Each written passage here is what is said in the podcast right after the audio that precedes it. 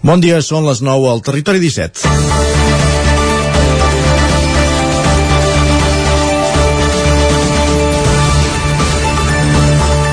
Divendres escoltàvem al Territori 17 el testimoni de la Darina Cert, una ucraïnesa que ha passat molts estius a Torelló on hi té una família d'acollida en el marc de les estades terapèutiques que l'ONG Osona amb els nens organitza per als infants de zones amb radiacions provinents de la central de Txernòbil cada estiu.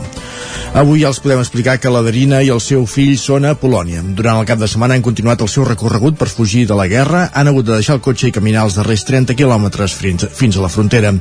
Com elles, són milers les dones que travessen la frontera. Els homes no els deixen passar passant la, majoritàriament perquè s'uneixin al front.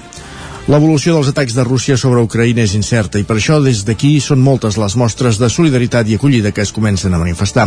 Sense anar més lluny, avui el 9-9 recull el testimoni d'un altre jove que ja fa una setmana que és a Manlleu, amb la família amb la que ha passat els estius a Osona. L'Anastàcia es va temer el pitjor i va demanar asil una setmana abans que dels atacs. El Consell Comarcal d'Osona s'ofereix a coordinar aquesta acollida amb els ajuntaments, Creu Roja i Osona amb els nens i també iniciar una campanya per recollir fons per enviar ajuda humanitària a Ucraïna. L'Albert de Vic acull des d'ahir una dotzena de ciutadans d'aquest país que eren a Catalunya fent turisme o de visita. El Consolat i el Departament d'Afers Socials s'han coordinat per donar sostre per ara a quatre albergs de la xarxa Xerescat, entre els quals el de Vic. Avui, precisament, la consellera de Drets Socials, Violant Cervera, el visitar, els visitarà a l'alberg. La cara és la cara amable de la condició humana, que reacciona i respon amb solidaritat i acolliment quan la pitjor cara actua amb violència extrema i injustificada. És dilluns, 28 de febrer de 2022. Comença el Territori 17 a la sintonia de la veu de Sant Joan, Ràdio Cardedeu, Ona Codinenca, Ràdio Vic, el 9 FM i el 9 TV. Territori 17 amb Isaac Moreno i Jordi Sunyer.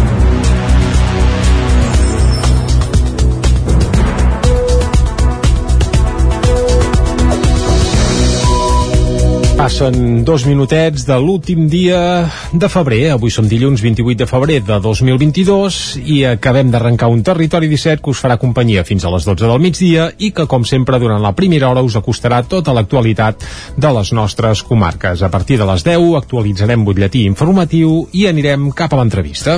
Per parlar amb l'Òscar Muñoz des de Ràdio Televisió Cardedeu amb els responsables de les gitanes de Llinars les gitanes de Llinars que han tornat, evidentment. Oh, quan toca. Quan toca, clar que és sí. És l'any de la represa, aquest. Clar que sí, esperem que sigui ja per, per no recular en aquest sentit. Va, dos quarts d'onze, piulades i portades del 99.cat, tot seguit passarem per la taula de redacció i també tindrem temps de fer un repàs esportiu a com els ha anat el cap de setmana als equips del nostre territori. Com cada setmana, just abans de les 11 el dilluns, repassant això, l'esdevenir dels partits del cap de setmana dels equips de les nostres comarques. Més coses que farem. A les 11 actualitzarem de nou butlletí informatiu i tot seguit arribarà els solidaris. Amb l'Adrià Oliveres des de Ràdio Vic avui per parlar de la vetllada solidària. Encara falta algun meset per arribar-hi, però començarem a escalfar motors.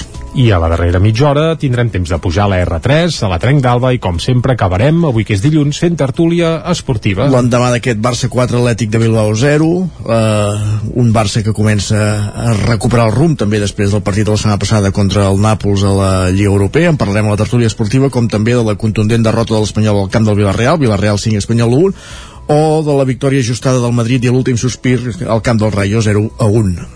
Doncs això serà la part final d'un programa que ara arrenca, com sempre, fent un repàs a l'actualitat de casa nostra, a l'actualitat de les comarques del Ripollès, Osona, el Moianès i el Vallès Oriental.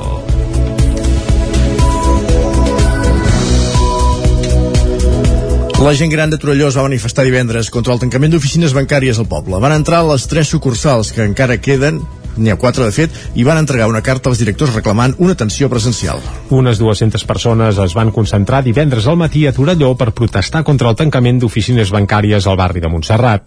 També reclamen que les oficines que queden obertes disposin de personal per atendre la ciutadania. Escoltem a Josep Sobirà, un dels organitzadors de la mobilització. Penso que els ajuntaments tenen una eina molt poderosa que a més l'Ajuntament de Torelló hi està adherida, que és l'associació de municipis. Aquest malestar no és a Torelló. Aquest malestar mm, jo diria que és arreu. Per tant, si això es plantés de cara a, a, ho plantegessin l'associació de municipis tots plegats jo crec que eh, seria molta, molta cosa. Bé, qui escoltàvem ara no era Josep Sobirà, sinó Agustí Costa, que reclamava eh, precisament doncs, que l'associació de municipis hi fes alguna cosa en aquest sentit. Seguim, durant la marxa van entrar a diferents bancs per entregar una carta a tots els seus directors expressant les seves reclamacions. Escoltem ara a Teresa Iats, una de les afectades, que explicava que algunes entitats no els han tractat gens bé.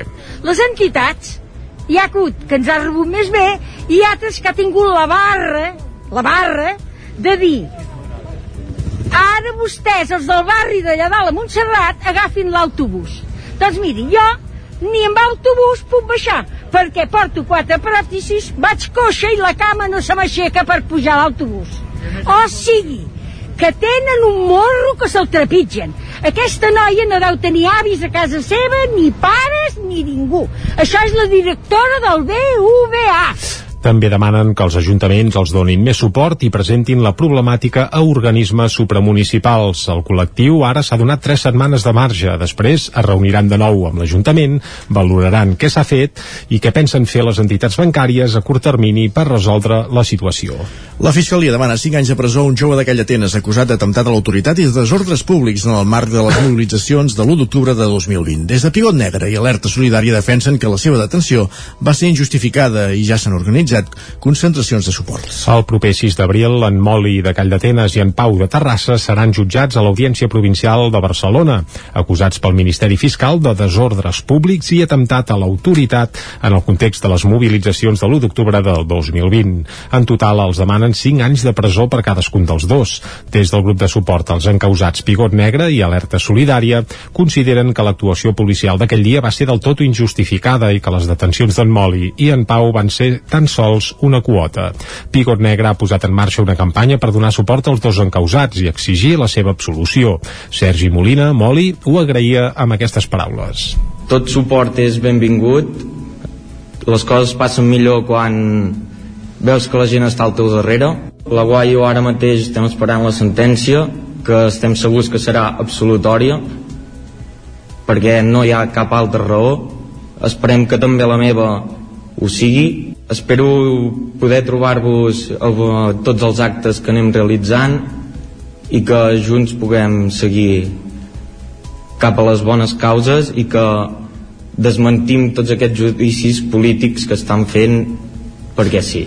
L'organització demana seguir mobilitzats per causes com aquestes. Escoltem a la Sílvia de Pigot Negre. Perdre por el discurs de, de, de la solitud que ens volen fer, el discurs de perquè ella està així jo no tornaré a sortir i aquest no ho podem permetre més mai més podem permetre això sortirem tots els cops que faci falta al carrer a manifestar-nos i el que, el que faci falta a partir d'ara Els propers actes per demanar l'absolució d'en Moli i en Pau seran el 24 de març en una concentració que es farà a la plaça Major de Vic. L'1 d'abril es farà un sopar solidari a la plaça 11 de setembre de Call d'Atenes i el mateix dia del judici es farà una concentració de suport davant l'Audiència Provincial de Barcelona.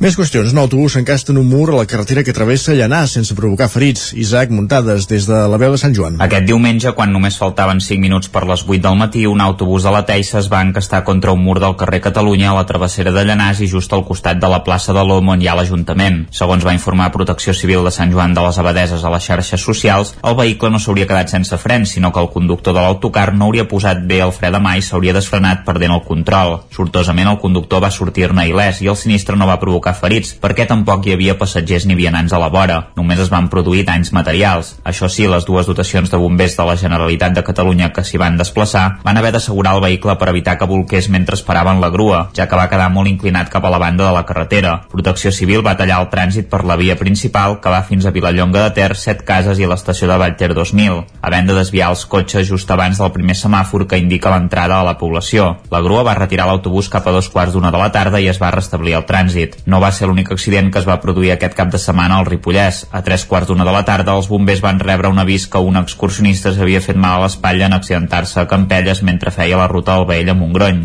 Immediatament s'ha activat l'helicòpter amb el grup d'actuacions especials, que han fet la primera atenció, immobilització i extracció amb gruatge de la zona. Les empreses del sector alimentari del Vallès Oriental aposten per la digitalització de la traçabilitat dels aliments com a primer pas per la digitalització de tot el sector. Caral Campàs, des d'Ona Codinenca. El Consell Comarcal del Vallès Oriental i Granollers Mercat van impulsar dimecres passat la primera jornada del projecte TTT, Treball, Talent i Tecnologia a Granollers. El cicle de jornades continuarà el 9 de març amb una trobada sobre la digitalització del control de qualitat. La trentena de professionals que hi van assistir van concloure que la traçabilitat dels aliments és el primer pas necessari per la digitalització del sector. Durant la jornada hi va haver diverses ponències i es van exposar casos pràctics per descobrir solucions digitals aplicables a tot tipus d'empreses, des de pimes a multinacionals. La traçabilitat dels aliments és la possibilitat d'identificar-ne l'origen i les diferents etapes del procés de producció i distribució. En aquest sentit es va presentar una aplicació que ja utilitzen grans empreses i que permet facilitar la traçabilitat alimentària en el control d'estocs o incidències al magatzem. També es va exposar l'ús de la tecnologia blockchain al sector alimentari com a solució de cara a la seguretat i la transparència dels productes. Aquesta tecnologia permet generar confiança en els clients que poden saber el recorregut i les manipulacions que han patit els productes a través d'un codi QR. D'altra banda, i per contrast, també es van exposar tots els problemes que es produeixen en els processos de traçabilitat tradicionals. Més qüestions, un projecte de l'Escola Ginebró de Llinars del Vallès ha estat seleccionat als 600 Premis Ecoinnovació impulsats per la Fundació Endesa. El projecte presentat és Revolta, Bioeconomia Circular. Núria Lázaro, des de Ràdio Televisió Cardedeu. Fins a 2.740 alumnes d'un total de 12 centres de Catalunya posaren a prova el seu compromís amb el medi ambient i la biodiversitat i el seu interès per la cultura ecològica amb les seves propostes als quarts premis a la ecoinnovació de la Fundació Endesa. S'han presentat 271 projectes a nivell de l'estat espanyol, dels quals a Catalunya se n'han seleccionat 12 per participar en aquesta edició 2021-2022 en alguna de les seves tres categories. Conèixer la nostra biodiversitat, resoldre un problema mediambiental i millorar el teu entorn. I optar als premis, la dotació dels quals assoleix els 12.000 euros. Amb els premis a l'ecoinnovació, la Fundació Fundació Endesa en col·laboració amb la Fundació Europea Societat i Educació, pretén destacar les iniciatives centrades en la promoció de la responsabilitat, el compromís i la cooperació en la preservació de l'entorn que s'està duent a terme en centres educatius del país. L'Escola Ginebró de Llenes del Vallès, amb el projecte Revolta Bioeconomia Circular, ha estat un dels 12 centres escollits i participa en la categoria 3 que correspon a la de millorar el teu entorn. El premi per al centre guanyador guanyador d'aquesta categoria serà de 4.000 euros i 1.000 euros en cas de ser finalista. Aquest diumenge al migdia es va estrenar l'Atlàntida de Vic, la camarata de música catalana, una jove formació de música de cambra impulsada i dirigida pel biguetà Jofre Verdolet. Verdolet, que el passat mes de juliol ja va omplir el Teatre Biguetà amb Ferides, una òpera que va escriure i dirigir ell mateix, es va estrenar aquest cap de setmana portant la batuta de la camarata de música catalana. En aquest nou projecte, Verdolet busca reivindicar els grans compositors catalans i posar-los en un programa al costat dels seus homòlegs europeus. En aquest sentit, ahir diumenge va sonar una sonata de Tchaikovsky i tot seguit una obra de Juli Garreta, un compositor del qual molta gent en coneix sardanes, però que també té un repertori de composicions per a orquestra extens i de gran qualitat. La tasca de la Camarata de Música Catalana recull el testimoni del que ja feia Pau Casals a principis del segle passat, ho explica Jofre Verdolet. L'Orquestra Pau Casals, que va néixer el 1920, eh, tenia el, el principal objectiu també això, de, no, en, aquesta, en aquest sentit, de poder posar en un mateix programa uh mhm. -huh. repertori canònic europeu i música catalana i que no fos una cosa estranya, que la gent no li fes gràcia que és una mica el que passa ara, no? que dius, toquem Tchaikovsky i Garreta ostres, per què ens passa això, no? Llavors Pau Casals ja un segle enrere uh, per trencar aquest tabú Uh, el que feia era programar uh, el mateix que podríem programar avui en dia, eh? sinfonies de Brahms, Beethoven, el que sigui, Uh, i alhora doncs, hi posava música dels seus col·legues i, o d'ell mateix i això fa molta ràbia perquè és que ho estaven rentant molt però molt, eh? I, i la Guerra Civil això ho va estroncar de manera terrible el primer concert de la Camarata de Música Catalana va tenir lloc dissabte a l'Auditori de Barcelona. El, el segon ja va ser el de diumenge, ahir a Vic. De cara a la primavera-estiu ja tenen en ment un nou projecte a portar a l'escenari Vistes al mar d'Eduard Tolrà. Esports. Del 27 al 29 de maig, Vic serà l'escenari de la primera prova puntuable per la Copa del Món de Trial 2022. La Unió Ciclista Internacional ja ha publicat els calendaris amb les dates i localitzacions concretes. S'ha confirmat que el circuit d'en Mas d'en Vigues de Vic serà de nou el lloc on es podran veure els millors pilots del món, tal com ja va succeir l'any passat amb motiu dels campionats del món de trial. Durant els tres dies de Copa del Món se celebraran tres jornades de competició per decidir els primers líders de la competició internacional. A més, aquest 2022 el circuit mundial va recuperant el seu format habitual, amb més d'una cita en lloc d'una única localització com va passar el 2021. Amb la prova inaugural de la Copa del Món de Trial a finals de maig, la capital usonenca completarà una setmana intensa dedicada a aquest esport. El dia 22 d'aquell mateix mes tindrà lloc el Trofeu Internacional Ciutat de Vic, que tancarà l'edició d'enguany de la Copa Osona, després de les proves de Sant Julià de Vilatorta i de Folgueroles. I acabem aquí aquest repàs informatiu que començàvem a les 9 del matí en companyia de Jordi Sunyer, Isaac Muntades, que era el campàs, i Núria Lázaro, un moment ara de saludar en Pep Acosta.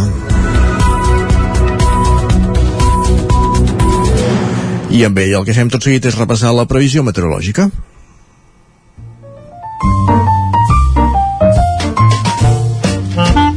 Casa Terradellos us ofereix el temps. I atenció Isaac, perquè en Pep Acosta avui sí que ens anuncia que venen canvis i Ep, sembla alerta. que de veritat, eh? no per demà ni per demà passat, però ell ja els veu. Doncs va, uh, Pep, molt bon dia.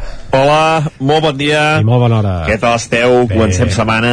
Mhm. Comencem l'espai del temps. Com sempre, recordant una mica el passat. I és que ja, ja ha acabat l'últim cap de setmana del mes de febrer. Què podem dir? Un cap de setmana amb poques novetats encara amb el temps. eh, unes temperatures no molt baixes.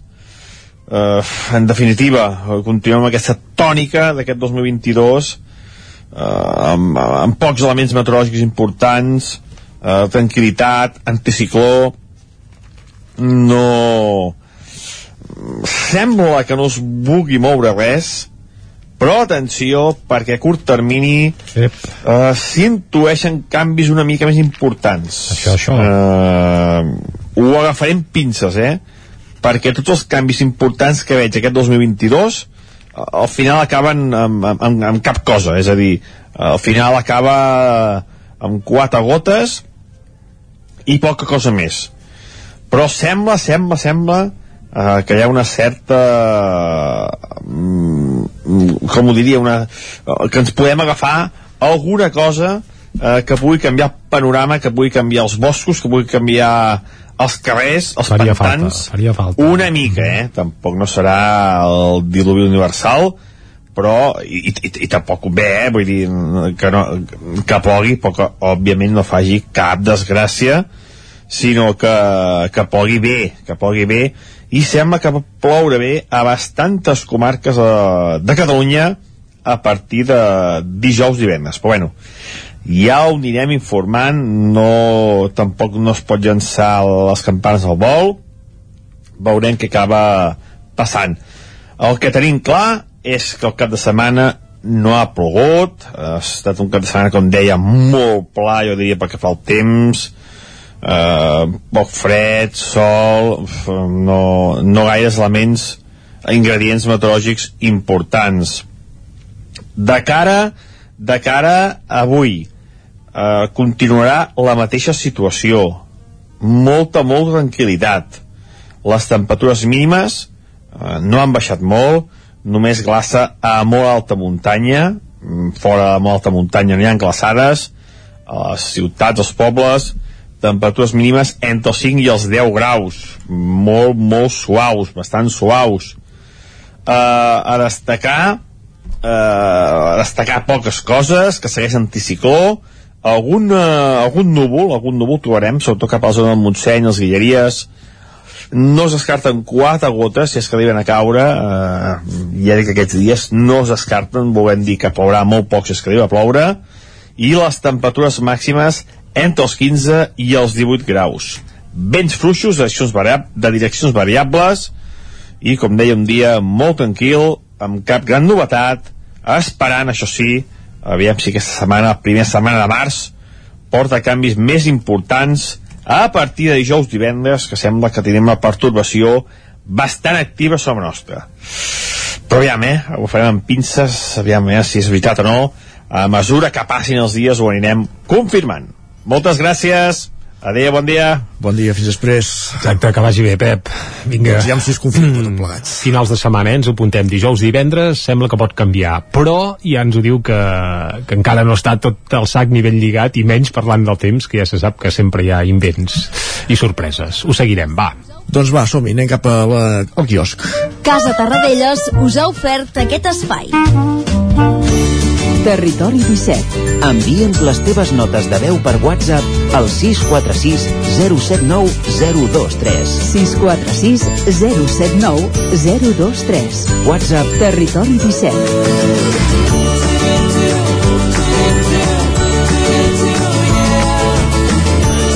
Territori 17. Som a Facebook, Twitter i Instagram amb l'usuari Territori 17.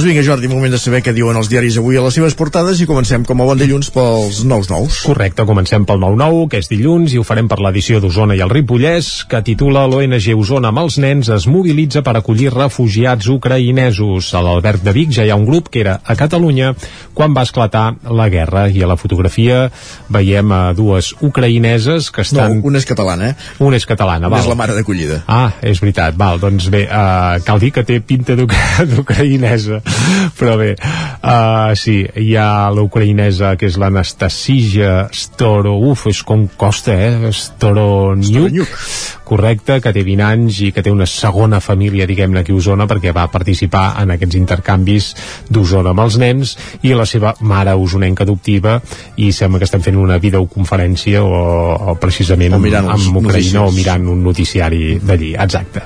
Més coses, va, també veiem que unes 200 persones grans es concentren a Torelló contra el tancament d'oficines bancàries, que el grup Geport va créixer un 12,6% l'any passat gràcies a la unitat d'animals de companyia i que la sequera fa avançar la primavera amb una imatge del pantà de Sau amb, bé, amb l'església doncs pràcticament que no és que es vegi només la punta del campanar sinó gairebé sencera. També apareix Joan Laporta, eh, la m'agrada dir portada el Cigalero, eh? el Cigalero, sí, sí, jo el vaig anar a veure i va ser molt divertit, eh? aquest xicot és, és, és bé, carisma pur.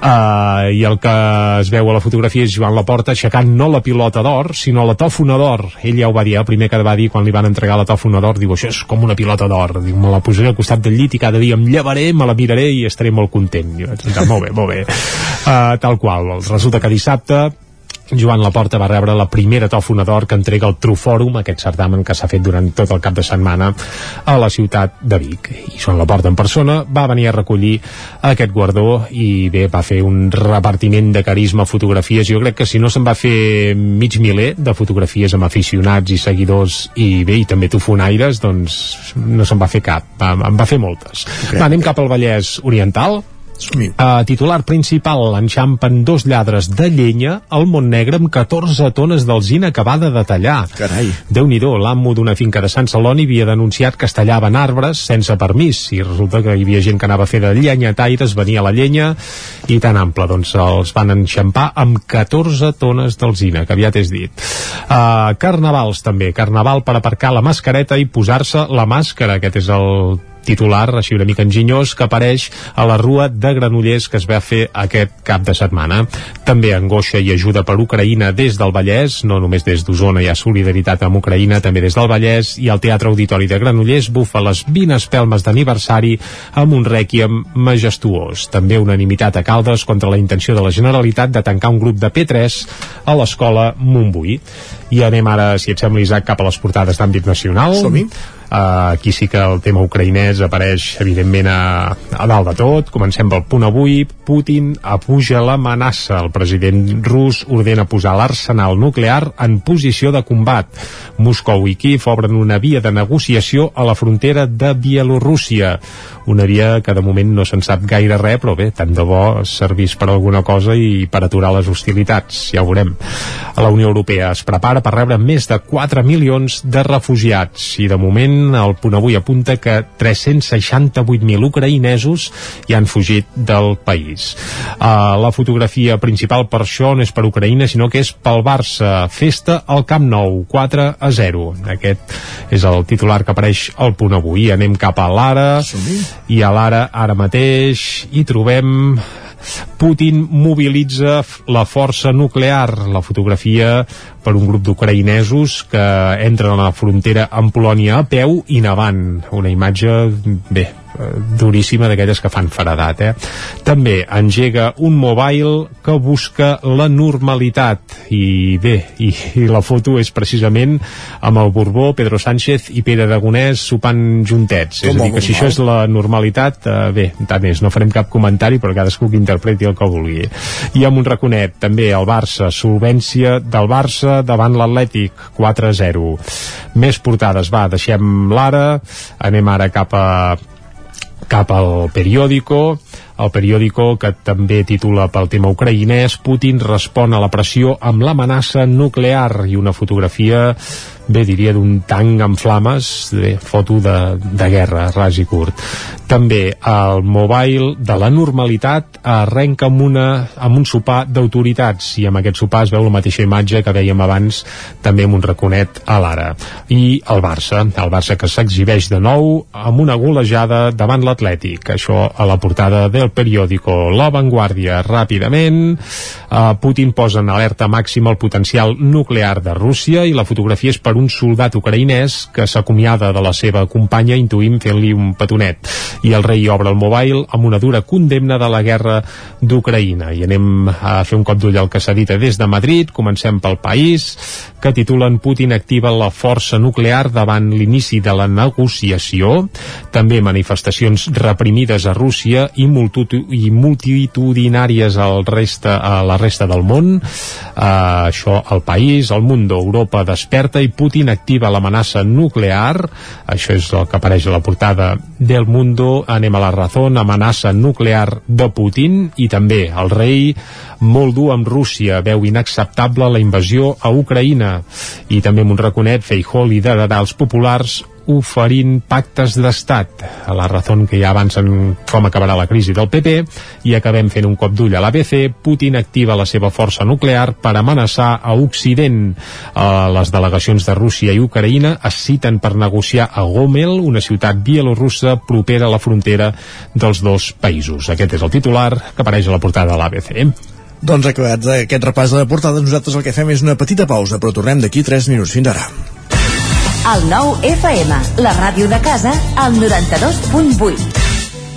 Cobertes serveis funeraris. Els nostres tanatoris estan ubicats en els nuclis urbans més poblats de la comarca d'Osona per oferir un millor servei. Tanatori de Vic, Tanatori de Manlleu, Tanatori de Centelles i Tanatori de Roda de Ter. Sabem que són moments difícils i per això el nostre compromís és atendre-us en tot moment amb un tracte humà, sensible i respectuós. Cobertes serveis funeraris. Telèfon 24 hores 93 883 23 46. Gràfics Air, el seu proveïdor global en retolació i impressió digital. Oferim servei de disseny, producció i instal·lació de qualsevol projecte en retolació industrial i comercial. Rètols corporis, senyalització preventiva, senyalització viària, senyalització interior de naus, vinils decoratius per a oficines i establiments comercials, retolació de vehicles... Confia en els serveis que li pot oferir Gràfics Air. Ens trobarà al carrer Lleida 39 de Vic o a graphicsAir.com. Mmm, quan fa que no menges pluma ibèrica de Salamanca i xuletilles de lechal a la brasa amb una bona amanida? Oh, i un xuletón de vedella gallega? O lechazo de Castilla al forn? Ah, i botillo del Bierzo amb cachelos i col? Ei, i cochinillo a l'estil de Segovia, i tot acompanyat d'un bon celler. Oh, i uns bons serranitos de pollastre, de llom, d'hamburguesa, del que tu vulguis. Per menjar la millor cuina de lleó sense moure't de casa, vine a El Racó de León. Fem cuina tradicional lleonesa i de mercat. Vine amb la família, amb els amics, amb la parella o sol. T'encantarà. El racó de León. Som al carrer Torelló 35 de Vic. Reserves 93 889 1950. Tanquem els dimarts. El racó de León. Vine a tastar una cuina diferent. Això és el que s'escolta al voltant d'una caldera saunia d'Oval. Tranquil·litat i benestar, perquè gaudeix del millor manteniment del servei tècnic oficial per estar despreocupat. O el que vulgui. Informis a Oficiat Nord trucant al 938860040. Saunier Duval, sempre al seu costat. Cefosol, centre de formació de soldadura GURB. Som especialistes en processos de soldadura. Disposem d'instal·lacions totalment equipades per a classes de teòrica i pràctica amb cabines individuals i equipaments de seguretat. Assessorem empreses i oferim cursos subvencionats i bonificats. Vine i t'informarem. Cefosol, som al carrer Sant Roc, número 9 de GURB. Telèfon 664 206 192. També ens trobaràs a cefosol.com i a YouTube. Anuncia't al 9FM. La màquina de casa. 9 3 8 8 9 4 9 4 9 Publicitat arroba al 9FM.cat. Anuncia't al 9FM. La publicitat més eficaç. El 9FM. El 9FM. En punt ara mateix dos quarts de 10 al territori 17. Territori 17, amb Isaac Moreno i Jordi Sunyer.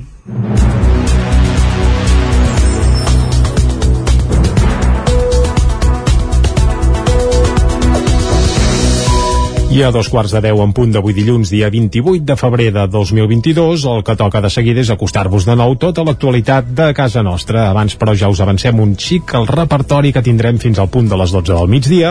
Abans de les 10... Anava a dir, deixa'm fer un parell de punts ràpids. Vinga, fem-los, fem-los. un és una mala notícia d'aquestes Mhm. que ens arriben sovint des de les carreteres, en aquest cas un accident mortal de trànsit aquesta matinada a l'eix transversal a l'alçada de Manresa, val a dir-ho. Uh, una noia, una conductora, la conductora d'un turisme ha mort en un xoc frontal amb un camió, com dèiem, a la C25, a l'eix transversal a Manresa, segons informa la periodista Anna Ponsín. I l'altra cosa que volíem recordar ara a aquesta hora, abans de fer aquest repàs, és que demà serem a Sant Feliu de Codines fent el programa amb motiu de, de la festa de l'Escudella des d'allà. Per tant, demà edició especial del Territori 17 també des de Sant Feliu com explicàvem divendres, avançàvem divendres amb la Caral Campàs. Doncs això sí que és important, que torni la festa de l'Escudella presencial i, que la puguem tastar, eh? Exacte. Uh, Escudella, botifarra i tantes coses, sí. Oh, oh, sona bé, sona bé. Doncs va, demà, Territori 17, des de la festa de l'Escudella de Castellterçol. Sant Feliu de Codines. Sant Feliu de Codines, perfecte. És que també em fan a Castellterçol Sí, sí. i ara se'm barrejaven les coses. Saps que no he, anat, no he anat mai a la, de, a la de Sant Feliu de Codines, jo, eh? A la de Castellterçol hi havia anat una vegada. Jo cap de les dues. Demà et podré explicar com és la de Sant Feliu. Uh, bé, doncs va, i ho explicarem, ho explicarem aquí, en directe. Com sempre, Territori 17, fet aquest apunt, això, avancem una mica el que tindrem no demà, sinó avui, fins a les 12 del migdia, abans de les 10, i posarem una mica de música, ideal per si es posa a ploure, la que escoltarem avui, ah, perquè finalment aquest diumenge van debutar els Arribar i Ploure, i explicarem qui són i què, què van fer i què va passar.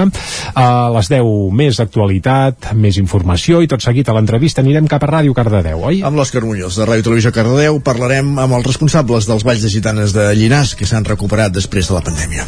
Més coses que recuperen, evidentment, les escudelles. Demà hi serem, només faltaria. Hi ha dos d'onze piulades i portades del 99.cat, taula de redacció i esports.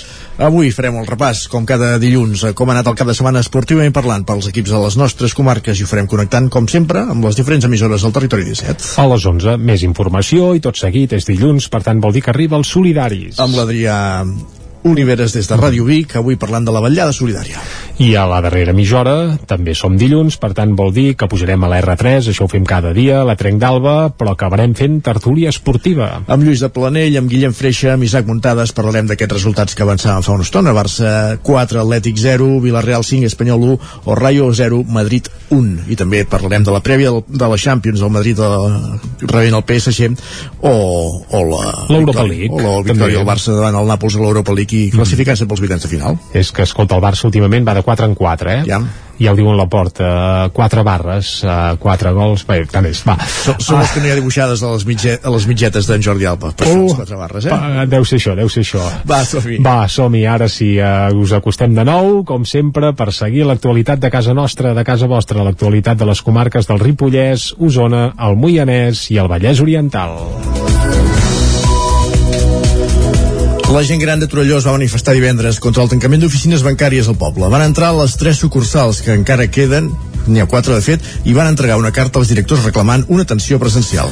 Unes 200 persones es van concentrar divendres al matí a Torelló per protestar contra el tancament d'oficines bancàries al barri de Montserrat. També reclamen que les oficines que queden obertes disposin de personal per atendre la ciutadania. Escoltem a Josep Sobirà, un dels organitzadors de la mobilització. Penso que els ajuntaments tenen una eina molt poderosa que a més l'Ajuntament de Torelló hi està adherida, que és l'associació de municipis. Aquest malestar no és a Torelló. Aquest malestar mm, jo diria que és arreu. Per tant, si això es plantés de cara a, a, ho plantegessin l'associació de municipis tots plegats jo crec que eh, es faria molta, molta cosa. Bé, qui escoltàvem ara no era Josep Sobirà, sinó Agustí Costa, que reclamava eh, precisament doncs, que l'associació de municipis hi fes alguna cosa en aquest sentit. Seguim, durant la marxa van entrar a diferents bancs per entregar una carta a tots els seus directors expressant les seves reclamacions.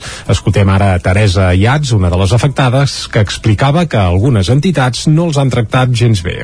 Les entitats hi ha hagut que ens ha rebut més bé i altres que ha tingut la barra la barra de dir ara vostès, els del barri d'allà dalt a Montserrat, agafin l'autobús. Doncs miri, jo ni amb autobús puc baixar perquè porto quatre pròtesis, vaig coixa i la cama no se m'aixeca per pujar l'autobús. O sigui que tenen un morro que se'l trepitgen. Aquesta noia no deu tenir avis a casa seva, ni pares, ni ningú. Això és la directora del BVA. També demanen que els ajuntaments els donin més suport i presentin la problemàtica a organismes supramunicipals. El col·lectiu ara s'ha donat tres setmanes de marge. Després es reuniran de nou amb l'Ajuntament, valoraran què s'ha fet i què pensen fer les entitats bancàries a curt termini per resoldre la situació. La Fiscalia demana 5 anys de presó a un jove d'aquella Atenes acusat d'atemptat a l'autoritat i de desordres públics en el marc de les mobilitzacions de l'1 d'octubre de 2020. Des de Pigot Negre i Alerta Solidària defensen que la seva detenció va ser injustificada i ja s'han organitzat concentracions de suport. El proper 6 d'abril, en Moli de Call d'Atenes i en Pau de Terrassa seran jutjats a l'Audiència Provincial de Barcelona, acusats pel Ministeri Fiscal de desordres públics i atemptat a l'autoritat en el context de les mobilitzacions de l'1 d'octubre del 2020. En total, els demanen 5 anys de presó per cadascun dels dos. Des del grup de suport als encausats Pigot Negre i Alerta Solidària consideren que l'actuació policial d'aquell dia va ser del tot injustificada i que les detencions d'en Moli i en Pau van ser tan sols una quota. Pigot Negre ha posat en marxa una campanya per donar suport als dos encausats i exigir la seva absolució. Sergi Molina, Moli, ho agraïa amb aquestes paraules. Tot suport és benvingut. Les coses passen millor quan veus que la gent està al teu darrere. La Guaio ara mateix estem esperant la sentència, que estem segurs que serà absolutòria, perquè no hi ha cap altra raó. Esperem que també la meva ho sigui. Espero poder trobar-vos a tots els actes que anem realitzant i que junts puguem seguir cap a les bones causes i que desmentim tots aquests judicis polítics que estan fent perquè sí. L'organització demana seguir mobilitzats per causes com aquestes. Escoltem a la Sílvia de Pigot Negre. Perdre de por el discurs de, de, de la solitud que ens volen fer, el discurs de perquè ell està així i no tornaré a sortir i aquest no ho podem permetre més mai més podem permetre això sortirem tots els cops que faci falta al carrer a manifestar-nos i el que, el que faci falta a partir d'ara Els propers actes per demanar l'absolució d'en Moli i en Pau seran el 24 de març en una concentració que es farà a la plaça Major de Vic. L'1 d'abril es farà un sopar solidari a la plaça 11 de setembre de Call d'Atenes i el mateix dia del judici es farà una concentració de suport davant l'Audiència Provincial de Barcelona. Més qüestions. Un autobús s'encasta en un mur a la carretera que travessa Llanà sense provocar ferits. Isaac, muntades des de la veu de Sant Joan. Aquest diumenge, quan només faltaven 5 minuts per les 8 del matí, un autobús de la Teixa es va encastar contra un mur del carrer Catalunya a la travessera de Llanàs i just al costat de la plaça de l'Om on hi ha l'Ajuntament. Segons va informar Protecció Civil de Sant Joan de les Abadeses a les xarxes socials, el vehicle no s'hauria quedat sense frens, sinó que el conductor de l'autocar no hauria posat bé el fre de mà i s'hauria desfrenat perdent el control. Sortosament, el conductor va sortir-ne il·lès i el sinistre no va provocar ferits, perquè tampoc hi havia passatgers ni vianants a la vora. Només es van produir danys materials. Això sí, les dues dotacions de bombers bombers de la Generalitat de Catalunya que s'hi van desplaçar van haver d'assegurar el vehicle per evitar que volqués mentre esperaven la grua, ja que va quedar molt inclinat cap a la banda de la carretera. Protecció Civil va tallar el trànsit per la via principal que va fins a Vilallonga de Ter, Set Cases i l'estació de Vallter 2000, havent de desviar els cotxes just abans del primer semàfor que indica l'entrada a la població. La grua va retirar l'autobús cap a dos quarts d'una de la tarda i es va restablir el trànsit. No va ser l'únic accident que es va produir aquest cap de setmana al Ripollès. A tres quarts d'una de la tarda, els bombers van rebre un avís que un excursionista s'havia fet mal a l'espatlla en accidentar-se a Campelles mentre feia la ruta al Vell a Montgrony. Immediatament s'ha activat l'helicòpter amb el grup d'actuacions especials, que han fet la primera atenció, immobilització i extracció amb gruatge de la zona. Les empreses del sector alimentari del Vallès Oriental aposten per la digitalització de la traçabilitat dels aliments com a primer pas per la digitalització de tot el sector. Caral Campàs, des d'Ona Codinenca. El Consell Comarcal del Vallès Oriental i Granollers Mercat van impulsar dimecres passat la primera jornada del projecte TTT, Treball, Talent i Tecnologia a Granollers. El cicle de jornades continuarà el 9 de març amb una trobada sobre la digitalització del control de qualitat. La trentena de professionals que hi van assistir van concloure que la traçabilitat dels aliments és el primer pas necessari per la digitalització del sector. Durant la jornada hi va haver diverses ponències i es van exposar casos pràctics per descobrir solucions digitals aplicables a tot tipus d'empreses, des de pimes a multinacionals. La traçabilitat dels aliments és la possibilitat d'identificar-ne l'origen i les diferents etapes del procés de producció i distribució. En aquest sentit es va presentar una aplicació que ja utilitzen grans empreses i que permet facilitar la traçabilitat alimentària en el control d'estocs o incidències al magatzem.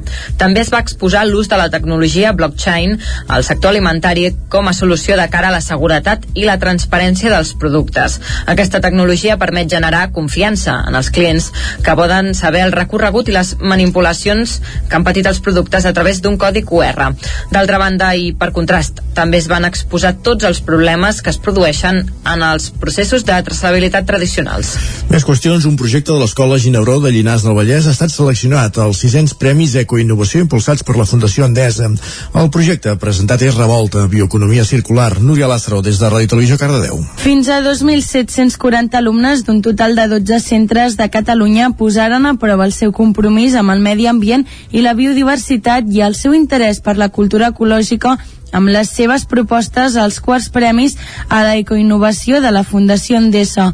S'han presentat 271 projectes a nivell de l'estat espanyol, dels quals a Catalunya se n'han seleccionat 12 per participar en aquesta edició 2021-2022 en alguna de les seves tres categories. Conèixer la nostra biodiversitat, resoldre un problema mediambiental i millorar el teu entorn. I optar als premis, la dotació dels quals assoleix els 12.000 euros. Amb els premis a l'ecoinnovació, la Fundació Endesa en col·laboració amb la Fundació Europea Societat i Educació, pretén destacar les iniciatives centrades en la promoció de la responsabilitat, el compromís i la cooperació en la preservació de l'entorn que s'està duent a terme en centres educatius del país. L'Escola Ginebró de Llenes del Vallès, amb el projecte Revolta Bioeconomia Circular, ha estat un dels 12 centres escollits i participa en la categoria 3 que correspon a la de millorar el teu entorn. El premi per al centre guanyador d'aquesta categoria serà de 4.000 euros i 1.000 euros en cas de ser finalista. Aquest diumenge al migdia es va estrenar l'Atlàntida de Vic, la camerata de música catalana, una jove formació de música de cambra impulsada i dirigida pel biguetà Jofre Verdolet. Verdolet, que el passat mes de juliol ja va omplir el Teatre Biguetà amb Ferides, una òpera que va escriure i dirigir ell mateix, es va estrenar aquest cap de setmana portant la batuta de la camerata de música catalana. En aquest nou projecte, Verdolet busca reivindicar els grans compositors catalans i posar-los en un programa al costat dels seus homòlegs europeus. En aquest sentit, ahir diumenge va sonar una sonata de Tchaikovsky i tot seguit una obra de Juli Garreta, un compositor del qual molta gent en coneix sardanes, però que també té un repertori de composicions per a orquestra extens i de gran qualitat. La tasca de la Camerata de Música Catalana recull el testimoni del que ja feia Pau Casals a principis del segle passat, ho explica Jofre Verdolet. L'Orquestra Pau Casals, que va néixer el 1920, eh, tenia el, el principal objectiu també això, de, no, en, aquesta, en aquest sentit, de poder posar en un mateix programa mm -hmm. repertori canònic europeu i música catalana i que no fos una cosa estranya, que la gent no li fes gràcia que és el que passa ara, no? que dius, tornem Tchaikovsky i Garreta ostres, per què ens passa això, no? llavors Pau Casals ja un segle enrere uh, per trencar aquest tabú eh, el que feia era programar eh, el mateix que podríem programar avui en dia, eh, sinfonies de Brahms, Beethoven, el que sigui, eh, i alhora doncs, hi posava música dels seus col·legues i, o d'ell mateix. I això fa molta ràbia, perquè és que ho estaven rentant molt però molt, eh? I, I la Guerra Civil això ho va estroncar de manera terrible. El primer concert de la Camerata de Música Catalana va tenir lloc dissabte a l'Auditori de Barcelona. El, el segon ja va ser el de diumenge, ahir a Vic. De cara a la primavera-estiu ja tenen en ment un nou projecte a portar a l'escenari Vistes al mar d'Eduard Tolrà. Esports. Del 27 al 29 de maig, Vic serà l'escenari de la primera prova puntuable per la Copa del Món de Trial 2022. La Unió Ciclista Internacional ja ha publicat els calendaris amb les dates i localitzacions concretes. S'ha confirmat que el circuit d'en Mas d'en Vigues de Vic serà de nou el lloc on es podran veure els millors pilots del món, tal com ja va succeir l'any passat amb motiu dels campionats del món de trial. Durant els tres dies de Copa del Món se celebraran tres jornades de competició per decidir els primers líders de la competició internacional. A més, aquest 2022 el circuit mundial va recuperant el seu format habitual, amb més d'una cita en lloc d'una única localització com va passar el 2021. Amb la prova inaugural de la Copa del Món de Trial a finals de maig, la capital usonenca completarà una setmana intensa dedicada a aquest esport. El dia 22 d'aquell mateix mes tindrà lloc el Trofeu Internacional Ciutat de Vic, que tancarà l'edició d'enguany de la Copa Osona, després de les proves de Sant Julià de Vilatorta i de Folgueroles. I acabem aquí aquest repàs informatiu que començàvem a les 9 del matí en companyia de Jordi Sunyer, Isaac Muntades, el campàs i Núria Lázaro, moment ara de saludar en Pep Acosta. I amb ell el que fem tot seguit és repassar la previsió meteorològica.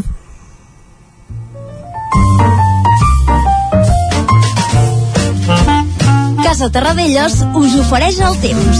I atenció Isaac, perquè en Pep Acosta avui sí que ens anuncia que venen canvis i Ep, sembla alerta. que de veritat, eh? no per demà ni per demà passat, però ell ja els veu. Doncs va, uh, Pep, molt bon dia.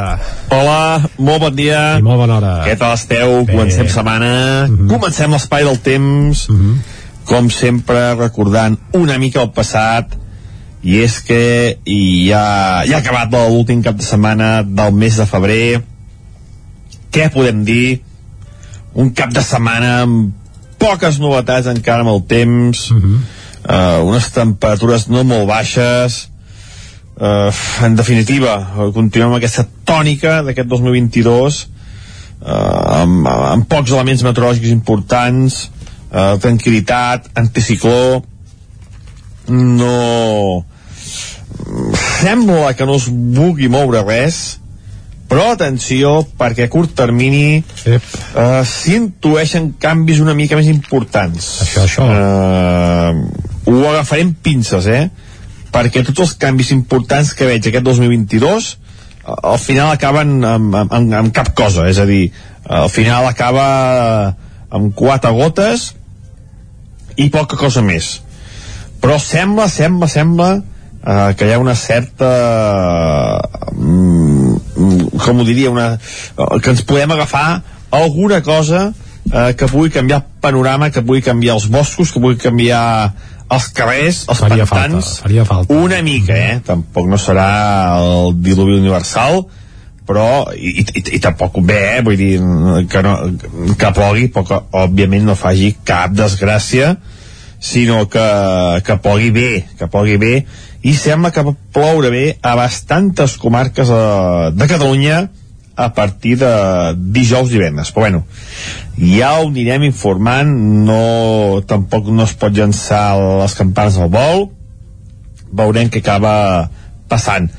El que tenim clar és que el cap de setmana no ha plogut. Ha estat un cap de setmana com deia molt pla jo diria perquè fa el temps eh, poc fred, sol no, no gaires elements ingredients meteorològics importants.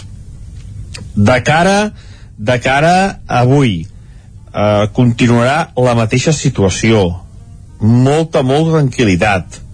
Les temperatures mínimes eh, no han baixat molt només glaça a molt alta muntanya mm, fora de molt alta muntanya no hi ha glaçades a les ciutats, als pobles temperatures mínimes entre els 5 i els 10 graus. Molt, molt suaus bastant suaus. Uh, a destacar uh, a destacar poques coses que segueix anticicló. Algun, eh, algun núvol, algun núvol trobarem, sobretot cap a la zona del Montseny, les Guilleries, no es descarten quatre gotes si és que arriben a caure. Eh, ja dic que aquests dies no es descarten, volem dir que plourà molt poc si és que arriba a ploure. I les temperatures màximes entre els 15 i els 18 graus. Vents fluixos de direccions, de direccions variables i com deia un dia molt tranquil amb cap gran novetat esperant això sí aviam si aquesta setmana, la primera setmana de març porta canvis més importants a partir de dijous divendres que sembla que tenim una perturbació bastant activa sobre nostra. Però aviam, eh, ho farem amb pinces aviam, eh, si és veritat o no. A mesura que passin els dies ho anirem confirmant moltes gràcies Adéu, bon dia. Bon dia, fins després. Exacte, que vagi bé, Pep. Vinga. Ja em fes confirmar mm, plegats. Finals de setmana, eh? ens apuntem dijous, divendres, sembla que pot canviar, però ja ens ho diu que, que encara no està tot el sac ni ben lligat i menys parlant del temps, que ja se sap que sempre hi ha invents i sorpreses. Ho seguirem, va. Doncs va, som-hi, anem cap a la, al quiosc. Casa Tarradellas us ha ofert aquest espai. Territori 17. Envia'ns les teves notes de veu per WhatsApp al 646 079 023. 646 079 023. WhatsApp Territori 17.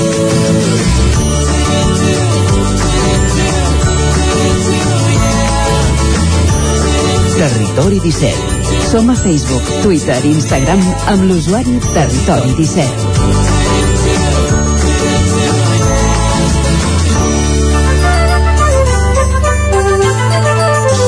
Doncs vinga, Jordi, moment de saber què diuen els diaris avui a les seves portades i comencem com a bon dilluns pels nous nous. Correcte, comencem pel nou nou, que és dilluns, i ho farem per l'edició d'Osona i el Ripollès, que titula l'ONG Osona amb els nens es mobilitza per acollir refugiats ucraïnesos. A l'Alberg de Vic ja hi ha un grup que era a Catalunya quan va esclatar la guerra i a la fotografia veiem a dues ucraïneses que estan... No, una és catalana, eh? Una és catalana, una val. és la mare d'acollida. Ah, és veritat, val, doncs bé, uh, cal dir que té pinta d'ucraïnesa però bé uh, sí, hi ha l'ucraïnesa que és l'Anastasija Storouf és com costa, eh? Storoniuk.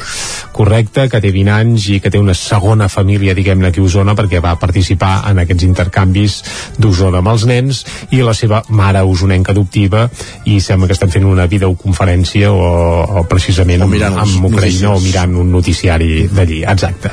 Més coses, va, també veiem que unes 200 persones grans es concentren a Torelló contra el tancament d'oficines bancàries, que el grup Geport va créixer un 12,6% l'any passat gràcies a la unitat d'animals de companyia i que la sequera fa avançar la primavera amb una imatge del pantà de Sau amb, bé, amb l'església doncs pràcticament que no és que es vegi només la punta del campanar sinó gairebé sencera. També apareix Joan Laporta, eh, la portada. El Cigalero, eh? El Cigalero, sí, sí, jo el vaig anar a veure i va ser molt divertit, eh? aquest xicot és, és, és bé, carisma pur. Uh, I el que es veu a la fotografia és Joan Laporta aixecant no la pilota d'or, sinó la tòfona d'or. Ell ja ho va dir, el primer que va dir quan li van entregar la tòfona d'or, diu, això és com una pilota d'or. Diu, me la posaré al costat del llit i cada dia em llevaré, me la miraré i estaré molt content. I vaig pensar, molt bé, molt bé. Uh, tal qual. Resulta que dissabte Joan Laporta va rebre la primera tòfona d'or que entrega el Trufòrum, aquest certamen que s'ha fet durant tot el cap de setmana a la ciutat de Vic. I Joan Laporta en persona va venir a recollir aquest guardó i bé, va fer un repartiment de carisma, fotografies. Jo crec que si no se'n va fer mig miler de fotografies amb aficionats i seguidors i bé, i també tofonaires, doncs no se'n va fer cap. En va fer moltes. Okay. Va, anem cap al Vallès Oriental,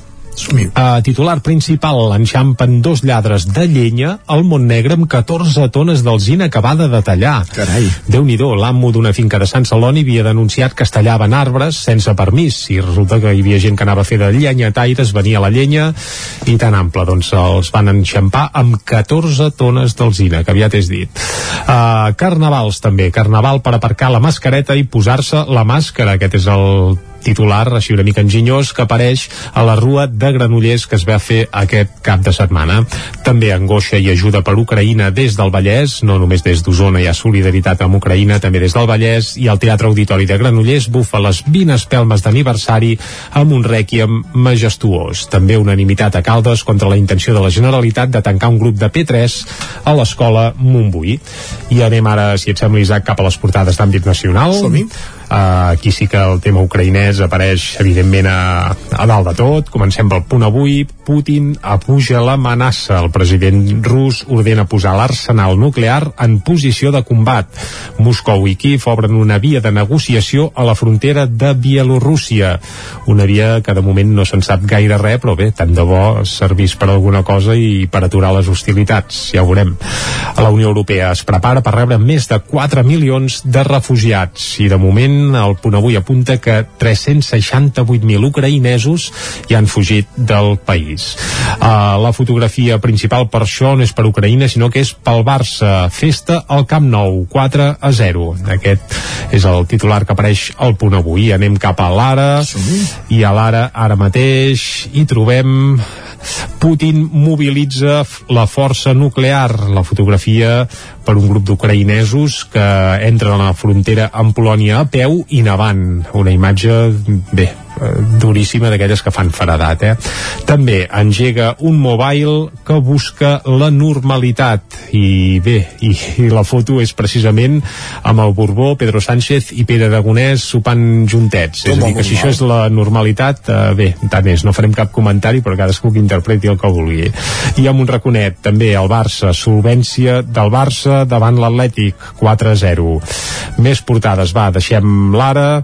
Anem ara cap a cap al periòdico el periòdico que també titula pel tema ucraïnès Putin respon a la pressió amb l'amenaça nuclear i una fotografia bé diria d'un tanc en flames de foto de, de guerra ras i curt. També el mobile de la normalitat arrenca amb, una, amb un sopar d'autoritats i amb aquest sopar es veu la mateixa imatge que veiem abans també amb un raconet a l'ara. I el Barça, el Barça que s'exhibeix de nou amb una golejada davant l'Atlètic, això a la portada del periòdico La Vanguardia ràpidament. Uh, Putin posa en alerta màxima el potencial nuclear de Rússia i la fotografia és per un soldat ucraïnès que s'acomiada de la seva companya intuïm fent-li un petonet. I el rei obre el mobile amb una dura condemna de la guerra d'Ucraïna. I anem a fer un cop d'ull al que s'edita des de Madrid, comencem pel país que titulen Putin activa la força nuclear davant l'inici de la negociació. També manifestacions reprimides a Rússia i multitud i multitudinàries al resta, a la resta del món. Uh, això al país, al mundo. Europa desperta i Putin activa l'amenaça nuclear. Això és el que apareix a la portada del Mundo. Anem a la raó, amenaça nuclear de Putin i també el rei molt dur amb Rússia. Veu inacceptable la invasió a Ucraïna. I també amb un raconet Feijó liderarà els populars oferint pactes d'estat. A la raó que ja avancen com acabarà la crisi del PP i acabem fent un cop d'ull a l'ABC Putin activa la seva força nuclear per amenaçar a Occident. Uh, les delegacions de Rússia i Ucraïna es citen per negociar a Gomel una ciutat bielorussa propera a la frontera dels dos països. Aquest és el titular que apareix a la portada de l'ABC Saps amb quin titular em quedo dels diaris d'avui? Digues, va. Un que he trobat en un racó de la portada del periòdico m'ha fet molta gràcia. Diu, la meitat de les 16 comarques de la Catalunya buidada estan infrafinançades. És a dir, hi ha, ha hagut d'haver-hi un moviment de la Espanya vaciada perquè el periòdico s'adoni que hi ha una Espanya, una Catalunya buidada també i que està infrafinançada. Eh, en fi. Bé, eh, a vegades el Barcelon, barceleno, barcelonocentrisme o no sé què, sí, sí, sí. Espectacular. Uh, bé, Suposo que ara també s'han despertat perquè amb el tema dels Jocs Olímpics moltes d'aquestes comarques són algunes d'elles, en fi. Bé, i alguns han descobert precisament que hi ha una altra Catalunya més enllà de, de l'àrea metropolitana, però això ja és un clàssic, eh? Correcte. El que no passa a Barcelona sembla que no passa enlloc, i més per capçaleres com el Periódico, que és una de les que s'abona més aquesta, aquesta tesi que alguna vegada hem criticat i segurament mai ho acabaríem de criticar prou. Però, fet aquest apunt, posem-hi música. música. Per exemple, el Periódico no surt, que aquest cap de setmana va debutar Arribar i ploure. Per què? Perquè no van debutar a Barcelona, van debutar Correcte. a Manlleu, però clar, aquesta banda ho acabarà rebentant a tot el Principat. I per què? Doncs més que res perquè està impulsada per un ex-xarango, l'Àlex Pujols, que bé, ja ho havien rebentat amb un parell de cançons que havien penjat eh, internàuticament, una ja l'estem escoltant de fons, és aquella el Paraules d'Antes, eh? Paraules d'Antes, l'hem escoltat alguna vegada aquí a Territori 17, avui la repescarem precisament per això, per celebrar o per recordar que aquest cap de setmana, concretament dissabte, van debutar en directe els Arribar i Ploure. Són eh, l'Àlex Pujols, músic de Charango, i el Ricard Ferrer, un actor que precisament va conèixer l'Àlex Pujols en un videoclip de Charango. Ell feia d'actor allà, es van fer molt amics i mira, han acabat fent un projecte junts que va debutar dalt de l'escenari aquest dissabte i que a partir d'aquí doncs, rodarà per tot el país amb un espectacle que es titula Un concert dramàtic, que és un híbrid, eh? no és ben bé un concert i prou, hi ha teatre, hi ha música, hi ha molt d'humor i la veritat és que bé, que l'estrena va ser un festival i un èxit, van omplir de gom a gom i encara que el periòdico no se'n fes ressò, nosaltres sí i això, us deixem fins a arribar al punt de les 10 amb aquest Paraules d'Antes que evidentment va sonar en l'estrena mundial que es va fer aquest dissabte a l'Espai Rossinyol de Manlleu dels Arribar i Plaure. Som-hi! Som paraules tantes. El diumenge vaig d'estreno, tinc mal al ginoll, però bueno, faig de port i faig teatre, mentre el jovent geu al quarto, menys mal que vaig al tanto com ningú. El bon exemple el tens enfrente, de recado tenim un de verd comú. Vigilar la llengua i l'inglès fuck you. Arcalde, fatilla, llumillo, i benzina, busson, lleca, juliol, quartalillo, vacació. Idea, llacurtes, Virgínia, iglesia, llavors aviam, gènere, cotxe de línia, Cintisland, gimnàsia, filla enciamada, telèfon, graig, comunió, penya, terreno, gravada, indi... Quin és més tremendo. Paraules tantes. Paraules tantes. I puesto? Paraules tantes. Són les 10. Territori 17, amb Isaac Moreno i Jordi Sunyer.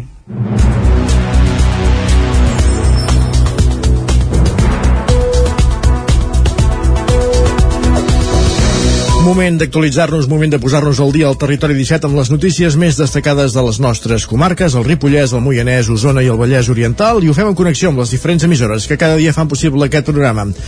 Ràdio Televisió de Cardedeu, Ona Codinenca, La Veu de Sant Joan, el 9 FM, Ràdio Vic i el 9 TV. Aquesta nit tallaran la sortida de l'AP7 de Cardedeu i la Roca del Vallès pel desmuntatge de l'antic peatge. Núria Lázaro, des de Ràdio Televisió Cardedeu. El Ministeri de Transport, Mobilitat i Agenda Urbana del govern espanyol tallarà aquesta nit, de dilluns a dimarts, la sortida 12A de l'AP7 que dona accés a Cardedeu i a la Roca. Ho farà de nit i per poder avançar en els treballs de desmuntatge de les instal·lacions de l'antic peatge. Segons ha informat el Ministeri, el tall es farà des de les 10 de la nit d'avui, 28 de febrer, a les 5 de la matinada de demà 1 de març. En dies posteriors els treballs seguiran, però es mantindrà el pas de vehicle obert en tot moment. Sí que se senyalitzaran desviaments i altres mesures per garantir la seguretat viària. El tall s'anunciarà als panells informatius de l'autopista com a ruta alternativa i a la sortida 12B de la de Granollers i la Roca a l'enllaç amb la C60 situada a pocs metres de distància. I canvis des d'avui mateix a la Rambla del Bisbat de Vic i a la circulació pel pont romànic, pel qual no es podrà passar durant dos mesos. Tot plegat respon a l'inici de les obres de rehabilitació de les adoberies. Mentre durin els treballs de prospecció arqueològica, no es podrà circular per la Rambla del Bisbat de Vic, ni tampoc es podrà passar a peu pel pont romànic. Aquesta afectació, en principi, segons apunten des de l'Ajuntament de Vic, durarà dos mesos. Els veïns de la zona afectada podran accedir a casa seva a través de la plaça Santa Elisabet. Pel que fa als veïns de la Rambla dels Montcada, hi podran accedir des del Prat d'en Galliners, el dels Aluders o per la plaça de Santa Teresa. El pas pel pont romànic, en canvi, quedarà tallat del tot i per travessar el riu Meder caldrà anar fins al pont de la pista. El darrer ple del Parlament es va debatre sobre la situació del sector carni i de les macrogranges. En aquest context, el diputat d'en Comú Podem, Lucas Ferrero, va visitar divendres el centre Beta de la Universitat de Vic, on hi desenvolupen una línia d'investigació dedicada a l'aprofitament dels purins i de les dejeccions ramaderes. Ferrero, des de Vic, va demanar a l'administració que dialogui amb el sector primari per planificar el futur immediat del sector i de la transició energètica que haurà de dur a terme i apunta l'economia circular com a una prioritat. Escoltem a Lucas Ferrero, diputat d'en Comú Podem al Parlament. Nosaltres no volem que el debat sigui només una tensió entre el món urbà i el món rural on si algú no diu res de l'economia rural els defensa, no els defensa perquè no els garanteix cap futur ni, ni de viabilitat econòmica ni de sostenibilitat defensar el sector primari és defensar i acompanyar una transformació que és necessària i que serà obligatòria en el nostre país i que per tant el que ha de fer la Generalitat és anticipar aquest debat. Ferrero també va destacar la tasca que fan al Centre Beta de la Universitat de Vic on treballen per convertir un residu, els purins, en un recurs. El taller Xinoxano de restauració de mobles de la Fundació MAP per persones amb discapacitat severa acaba les dues primeres peces. Isaac Muntades, des de la veu de Sant Joan. Des de l'abril del 2021, cada dilluns i dijous al matí a la segona planta del Centre d'Atenció Especialitzada de la Fundació MAP ubicat a l'edifici de Can Canarons al Raval de Sant Pere s'hi imparteix un taller d'iniciació a la restauració de mobles denominat Xinoxano per a persones amb discapacitat. El nom el van escollir perquè van a poc a poc a restaurar-los, però els hi serveix com una teràpia per evadir-se i mantenir-se ocupats. La responsable del taller és l'auxiliar sanitària Yolanda González, que compta amb la participació d'una desena de persones que reparteixen entre els dos dies. Ella sempre havia treballat en l'àmbit de la fisioteràpia i diu que aquest taller els ha de portar benestar físic i emocional i una millora de la psicomotricitat, entre altres beneficis. De fet, algun dels integrants del taller Xinoxano tenen una discapacitat motora severa, però també hi ha persones amb afectament pulmonar, amb discapacitat intel·lectual o que són invidents. El treball del taller ja ha donat els seus primers fruits perquè les persones que hi participen han aconseguit acabar les dues primeres peces. Es tracta d'un balancí antic i d'un cabàs de la roba bruta fet de vímet que han transformat en una taula. Ara també estan restaurant un banc rústic. González explica que abans de començar l'activitat els hi comenta què faran i una mica la història del moble. I quan treballem els mobles no és tenemos este mueble ya, no. Aquest moble ve d'algun puesto, és d'una persona. Aquesta persona, què volem d'aquest moble? Que, que, que ho estimi, que no el deixi fora, saps? O que no digui, ah, no, si el vull, però el vull per aquí dalt, sinó que el vulgui, que l'estimi i que el torni a posar allà on pertany, saps? I valorem entre els companys què podem treure d'aquest moble i quin, quin ús li podem donar.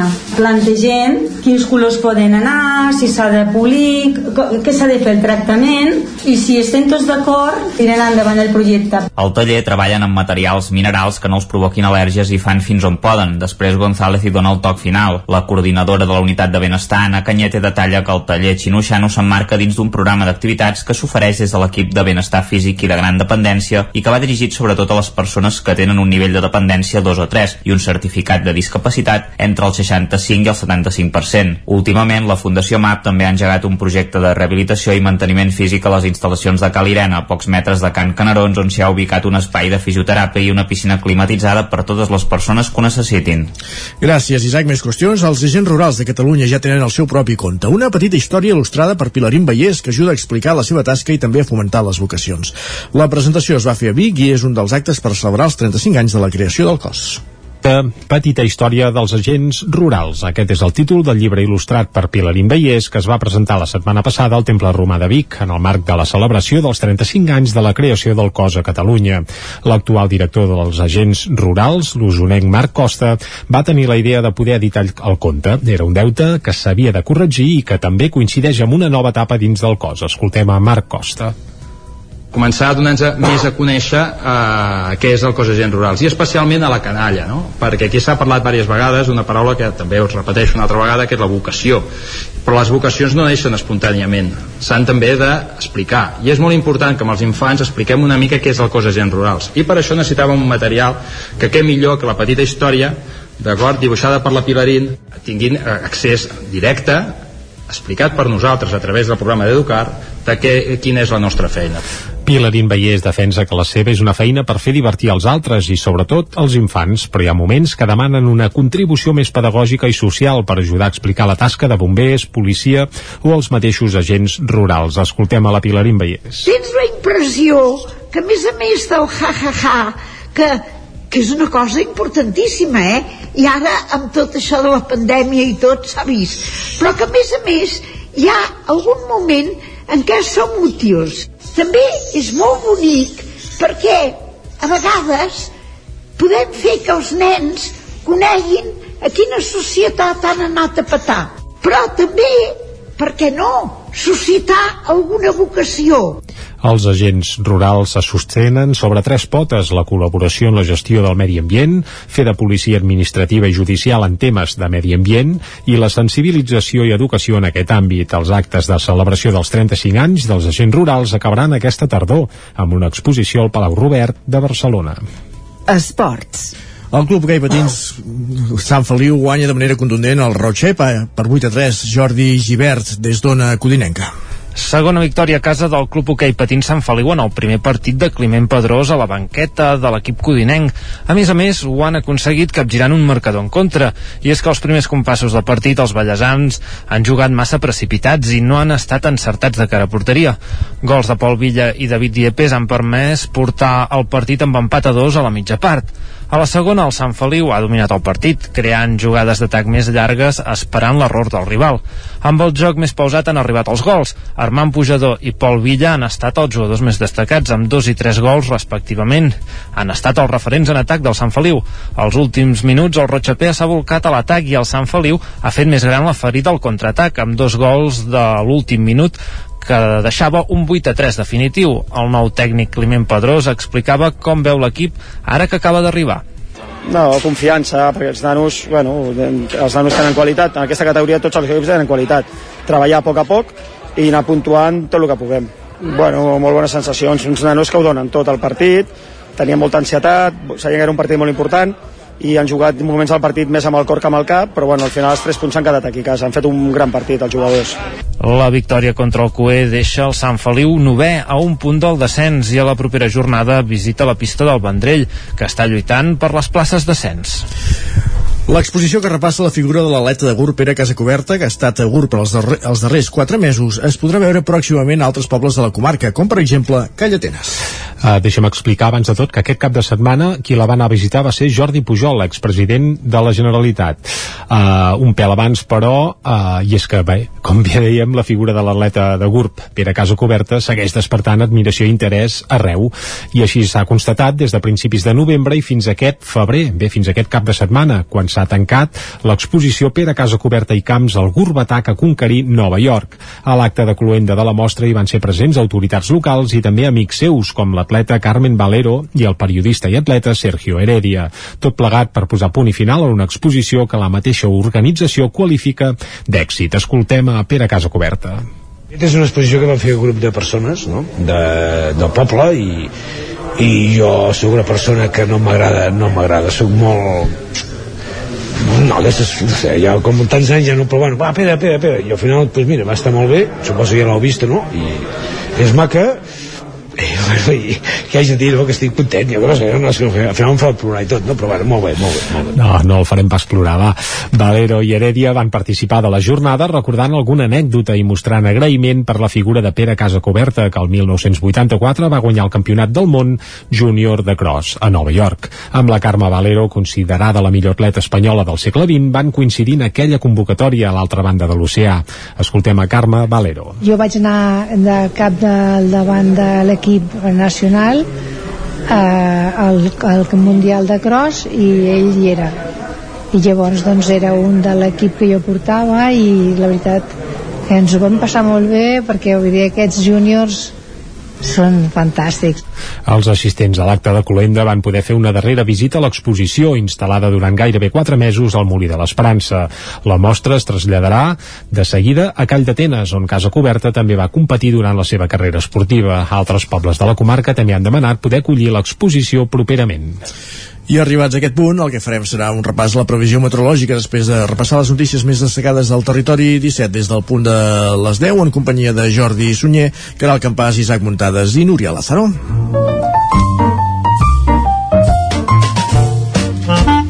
Casa Terradellos us ofereix el temps. Sabeu, ja ho sabeu, per parlar del temps, aquí Territori 17 parlem sempre amb en Pep Acosta, que a primera hora ja ens ha alertat que venen canvis i sembla que aquesta vegada, bé, uh, que plourà i que no Cap només dijous, per, això, eh? sí, això sí, això sí, dijous, divendres però escolta, Són això seria un festival, eh? Uh, tornem a saludar en Pep i veiem si ens pot avançar alguna cosa més d'aquests canvis que s'atancen de cara a finals de setmana. Pep, molt bon dia. Hola, molt bon dia. I bona hora. El que tenim clar és que el cap de setmana no ha plogut. Això estat claríssim. De setmana, com deia, molt pla, jo diria, perquè fa el temps. Uh, poc fred, sol, uf, no, no gaires elements, ingredients meteorològics importants. De cara, de cara avui, uh, continuarà la mateixa situació. Molta, molta tranquil·litat. Les temperatures mínimes eh, no han baixat molt, només glaça a molt alta muntanya, mm, fora de molt alta muntanya no hi ha glaçades, a les ciutats, als pobles, temperatures mínimes entre els 5 i els 10 graus, molt, molt suaus, bastant suaus. Uh, a destacar, uh, a destacar poques coses, que segueix anticicló, algun, uh, algun núvol, algun núvol trobarem, sobretot cap a la zona del Montseny, les Guilleries, no es descarten quatre gotes si és que arriben a caure eh, ja dic que aquests dies no es descarten volem dir que plourà molt poc si és que arriba a ploure i les temperatures màximes entre els 15 i els 18 graus. Vents fluixos de de direccions variables i com deia un dia molt tranquil amb cap gran novetat esperant això sí aviam si aquesta setmana, la primera setmana de març porta canvis més importants a partir de dijous divendres, que sembla que tindrem una pertorbació bastant activa sobre nostra. Però aviam, eh? Ho farem amb pinces, aviam, eh? Si és veritat o no. A mesura que passin els Home. dies ho anirem confirmant. Moltes gràcies. Adéu, bon dia. Vinga. Convé que plogui, eh, realment. Ahir Sí, vaig, anar, miraria. vaig anar a voltar una estona per l'entorn del riu Tera a la colònia de Còdol, a Roda, a Masies de Roda, i és brutal perquè anaves trepitjant zones que normalment tota la vida han estat inundades per l'aigua i fa, fa, fa, fredat, si més no pensar, ostres, estic pa- passejant per un lloc on hi hauria d'haver aigua, no n'hi ha i, i no hi ha sembla que no hi No, no, i la muntanya és que molt seca. Mira, ja que parles de, de que vas anar a fer una excursió cap a, a fora al Còdol, jo vaig anar a, posar, el- a pujar al Serrat Alt ahir, Veus? que és la muntanya més alta de Sant Vicenç, a gairebé 900 metres d'alçada. que no sigui Orís, eh, per això ja, però vaja Eh, sí. al límit entre Sant Vicenç i Orís, sí, sí, sí, sí, sí. Però pols, pols vol dir que vam acabar empolsinats fins a dalt de tot, un camí que normalment està fressat i, i amb Correcte. fang, amb una mica, i és que no hi havia aigua en lloc. Eh, fa molta falta eh, aigua. Tant de bo, doncs, aquest cap de setmana, de cara a dijous, divendres o el cap de setmana. Tant, i encara que plogui en cap de setmana ja ens va bé, també, perquè fa molta falta i seria una gran notícia que fes un bon aiguat arreu del territori 17, perquè aquesta sequera no és patrimoni només de, de la plana de Vic, sinó que la tenim a tot el país. Sí. Va, anem cap a l'entrevista. Anem a l'entrevista, vinga. Casa Tarradellas us ha ofert aquest espai. Territori 17. Envia'ns les teves notes de veu per WhatsApp al 646 079 023. 646 079 023. WhatsApp Territori 17.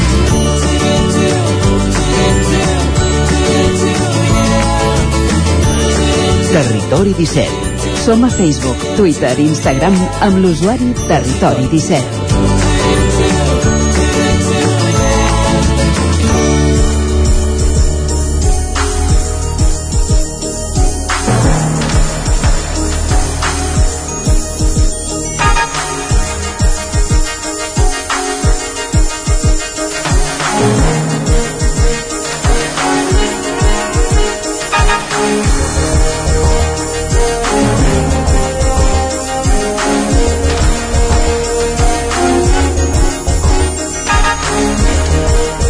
Dos minuts pràcticament que passen d'un quart de 11. Ahir diumenge van tornar les gitanes a moltes poblacions. A Llines del Vallès era una data molt important per la colla Giola, que celebra el 30è aniversari. Un aniversari que s'hauria d'haver celebrat l'any passat, que a causa de les restriccions va haver-hi, però no van, no van poder ballar. Òscar Muñoz, des de Ràdio Televisió Cardedeu, bon dia. Bon dia. Doncs sí, ahir a la plaça dels Països Catalans de Llinars del Vallès es va omplir tant de balladors com de públic un acte, com bé has comentat, era molt esperat pels llinasencs. I avui estem amb en David Auladell, Ep, aquest el membre conec, de la eh? Junta de la Colla... Eh? Aquest el conec. El, cone... el coneixem, no? Sí. membre de la Junta de la Colla de Giola i doncs que també el podríem haver escoltat farà uns anys aquí al Territori 17. Bon dia, David. Bon dia a tots. Bon dia, David. Primer de tot, com va anar ahir la ballada? Doncs en general molt bé, la veritat és que després de parlar amb tots els membres de la colla estem molt contents de la ballada, creiem que va ser una ballada molt lluïda comparada amb altres anys, molt emotiva també, va ser una ballada amb bastants moments d'emocions i diversos homenatges a diverses personalitats que potser ens han deixat o que, no, o que aquest any per algun motiu no han pogut ballar. I la veritat és que és dels anys que hi ha hagut més lluïment i més públic, vam veure la plaça molt plena comparant-la amb altres anys. Suposo que hi havia ganes, oi, David? Sí, hi havia moltes ganes, perquè des del primer moment que vam arrencar, voler arrencar assajos i que les parelles de balladors s'apuntessin, es van apuntar molt ràpid, vam tornar a recuperar les 42 parelles que teníem, no, no les 55 que teníem l'últim any, però unes 42 parelles de la colla adulta i 35 de la colla de nens, que només esperàvem pas que hi hagués tanta gent que volgués ballar aquest any amb tot el tema de la pandèmia i realment va ser una rebuda molt bona. Què caracteritza les gitanes de, de Llinars? Quins elements distintius podem trobar? Doncs mira, les ballades de la de Llinars, els elements principals són els mateixos que podem trobar a les altres ballades de gitanes de, de la Vallès Oriental i sobretot al Baix Montseny, entre Sant Celoni i Sant Esteve, representen una festa de- d'un casament, que hi ha la parella de nuvis, que conviden a tota una colla a, a la celebració. Aleshores, els diversos elements amb l'ordre, primer de tot tenim el capità de cavall, que és el que demana permís a l'alcalde de la plaça per, per poder fer la ballada, els diablots, que són els personatges que fan fora els mals esperits a la plaça, el vell i la vella, que fan la parida en què critiquen alguna cosa, algun tema social de l'any anterior, com per exemple aquest any parlaven de, de la rave que van tenir fa, fa un any i pico, i, i després ja entren el, el que serien els balladors, primer de tot la colla dels nens, i després la colla dels grans encapçalada pels novis de d'enguany que estarien a la mateixa ballada un cop finalitzada i ahí em deixo les cambreres també, pobres, que ens, ens, tenen, ens cuiden molt, que sempre ens tenen a punt l'aigua, la ratafia, les begudes i tot el que faci falta. Has comentat la capitana de cavall, aquest, aquest any és, és una dona, no? És la segona, la segona dona de la història de les gitanes de Llinars que, doncs això, que és una dona, no? Sí, doncs mira, el, abans de les gitanes de Llinars es van perdre l'any 1956 eh, i en aquell temps, quan es ballaven abans, ja hi va haver una capitana de cavall que era la Maria Candelic i des de la, que la, la colla Giola va recuperar el, les gitanes del 1991 eh, sempre hi ha sigut un capità de cavall home, de la mateixa família, va ser en, sempre venien del que es diu la casa de Can Capa i aquest any és el primer any que la, la Mariona Majoan és la capitana de cavall, és una nena que té 13 anys, crec, i segueix la saga de, de la mateixa família, perquè a més a més la Maria Candelic, que parlava d'abans del 1956, ja era també de la mateixa família. Aleshores, per la colla Giola és la primera dona, però la història de les gitanes és la segona. Molt bé. Digues, Òscar, digues. Per la celebració, així anava a comentar que per la celebració del 30 aniversari veu preparar un ball especial per a aquella ocasió. L'heu fet aquest cap de setmana? Heu pogut estrenar el ball? Sí, hem pogut estrenar el ball. Uh, estem molt contents realment per com va sortir, perquè és un ball bastant, uh, um, quant a passos i formació, no el va poder ballar tota la colla realment, perquè costa molt que tots els assajos hi siguem tots, el van ballar només 20 parelles, però estem molt contents perquè ja fa uns anys vam intentar també crear un ball per un altre motiu, no el vam aconseguir dur a terme perquè era un ball amb les tres colles del Baix Montseny i vam tenir altres problemes, i aquest ball era molt important perquè era la celebració dels 30 anys i la música la va fer un dels membres de la principal primera, que és l'orquestrina que toca les gitanes a Llinars, que és en Francesc Vidal, i va fer la música ell, i després en van fer la coreografia a Jordi, no me'n recordo el nom, un, i no, no, us, ho- no us puc dir el nom exacte perquè no me'n recordo, és, és nebot de Joan Serra, que era un coreògraf molt important que vivia a Sant Esteve per la Tordera, ens va deixar fa uns anys, i el, va ser un ball molt complicat però va sortir mitjanament bé. Es diu Ball 30 perquè al final la, la raó de ser és perquè per la celebració dels 30 anys i es va incorporar a la meitat de, a la meitat de la ballada. És a més a més un ball totalment una mica diferent dels altres que estem acostumats.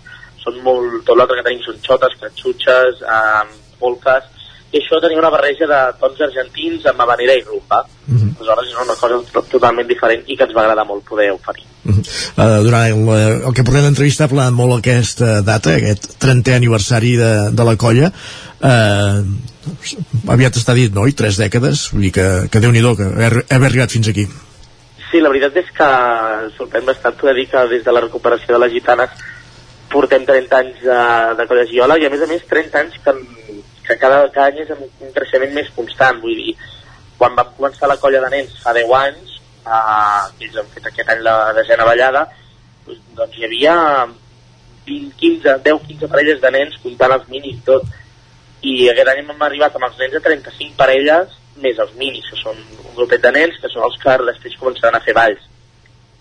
I la colla dels adults sí que ha baixat de parelles, però no perquè no en tinguem, perquè al final estem en una situació pandèmica que no ha marxat i hem tingut moltes baixes d'ú- d'última hora de, del dia abans, de dissabte mateix a la nit, avisar-nos de que gent no pot ballar per tenir positius i poder trobar balladors que ja havien ballat altres anys per poder fer la ballada. O sigui, si tots aquests haguessin ballat segurament arribàvem a les 60 parelles o 70 a, aquest any perquè gent que ja havia ballat, que tenia ganes de ballar però que per diverses raons no han pogut ballar. Has comentat que això, el públic infantil està creixent. És degut a que a les escoles també es balla i, i allà doncs aprenen tots aquests tipus de balls o, o Doncs- ja és tema familiars, sabeu? Jo crec que hi ha molta part que és tema familiar, eh, perquè al final és un, les gitanes és, una, és un ball que també es fa molta família de tota la història. Moltes vegades els mateixos pares que ballen a la colla de grans porten els seus fills a, a, poder, a poder ballar amb la colla dels petits. Hi ha molta part familiar, però sí que és cert que amb les escoles, els darrers anys, fa molts anys des de l'escola Ginebró, per exemple, sí que és una de les escoles que sempre, que sempre han fet ball de gitanes amb els nens. Però per exemple des de fa uns anys una de les escoles, el Damià Mateu fan una petita ballada també dins l'escola amb els alumnes de sisè i també els animen a ballar, per exemple aquesta escola ha fet uns gegantons que són uns balladors de gitanes i últimament els últims anys es treballa molt també és cert que també ha ajudat a que per exemple hem creat aquest any una exposició dels 30 anys a l'Espai d'Art i se, també s'ensenya aquesta exposició a tots els nens de les escoles també és una mica de fer uh, ensenyança d'aquest estil del ball tradicional Mhm. de Llinars Una curiositat, David, pels que som més de terres de carnavals que de gitanes, per entendre'ns, com és que es ballen les gitanes el diumenge de carnaval? Té alguna relació amb aquesta festa? De fet, an- és que antigament el, a la zona del Vallès Oriental, sobretot el, la que coneixem nosaltres, que és el Baix Montseny, el carnestoltes uh, eren les gitanes, no hi havia res més. Uh -huh. O sigui, la, la Sí, sí. disfressa, sí, sí. el sortir disfressar-se i celebrar el carnestoltes era anar a la ballada de gitanes, no existia la festa de disfresses. Uh, com a sigui, la simbologia del carnestoltes aquí al, al Baix Montseny era el ball de gitanes des de, per exemple, a Sant Celoni em sembla que fa 300 anys i a Llinars en fa 200 i pico D'acord. és realment un tema eh, històric que desconec el seu origen, eh, de l'any 1918, ai, 1818. Hem parlat de l'origen i ara parlem del futur. Com veus la, el futur de la colla i de les gitanes a Llinars en concret? El futur, doncs mira, uh, per començar una cosa que, que crec que és el futur assegurat és millorar molt la qualitat dels balls. Aquest any ens hem posat molt seriosos en cada vegada sortir millor. En futur n'hi ha molt, vull dir, al final la colla de nens està creixent i a la que arriben a una certa edat passen a la colla de grans i no ho deixen, vull dir, realment que, que tenen ganes de seguir ballant. Per tant, de futur en quant a gent n'hi ha de sobres, està asseguradíssim, però a més a més hi ha un, és una festa que a Llinars se l'estima molt, que a vegades parlem amb tècnics o amb gent i diuen és la festa més important, i és així. Molt bé. Aleshores no es perdrà mai perquè tothom l'estima. Doncs que així sigui. David Auladell, de, de la colla Giola, membre de la Junta de la colla Giola, que recuperau el Vall de Gitanes després de la pandèmia aquest diumenge a Llinars. Gràcies per ser avui al Territori 17 i a l'altra banda. Estàvem acostumats a sentir la teva veu a la banda nostra, la banda, la banda de l'equip del programa i avui com a, com a entrevistat. Gràcies i fins aviat. Gràcies. Bon dia. Gràcies també a Òscar Muñoz per acompanyar-nos en aquesta entrevista. Fins ara. Fins ara.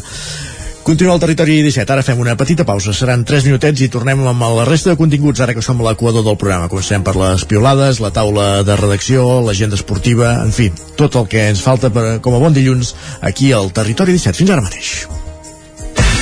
El nou FM, la ràdio de casa, al 92.8. A la rostisseria El Plat ens agrada la cuina de sempre, la de les àvies i de les mares, la cuina feta amb paciència com s'ha fet tota la vida. Vine a provar els nostres canelons gruixuts o els croquetons, les nostres croquetes de 80 grams, i recupera el gust del pollastre a com els que es menjaven abans. Ah, i aprofita, fins a finals de febrer, 20% de descompte en els canelons i el pollastre. Rostisseria El Plat, encàrrecs fins a les 12 del migdia i servei a domicili. Ens trobaràs de dijous a diumenge al carrer Església número 6 de Taradell o al 93 135 58 85. Cobertes serveis funeraris. Els nostres tanatoris estan ubicats en els nuclis urbans més poblats de la comarca d'Osona per oferir un millor servei. Tanatori de Vic, Tanatori de Manlleu, Tanatori de Centelles i Tanatori de Roda de Ter.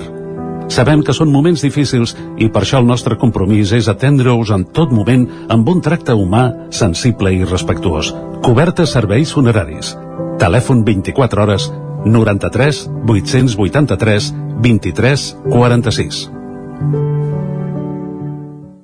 Gràfics Air, el seu proveïdor global en rotulació i impressió digital. Oferim servei de disseny, producció i instal·lació de qualsevol projecte en rotulació industrial i comercial. Rètols corporis, senyalització preventiva, senyalització viària, senyalització interior de naus, vinils decoratius per a oficines i establiments comercials, rotulació de vehicles... Confia en els serveis que li pot oferir Gràfics Air. Ens trobarà al carrer Lleida 39 de Vic o a gràficsair.com.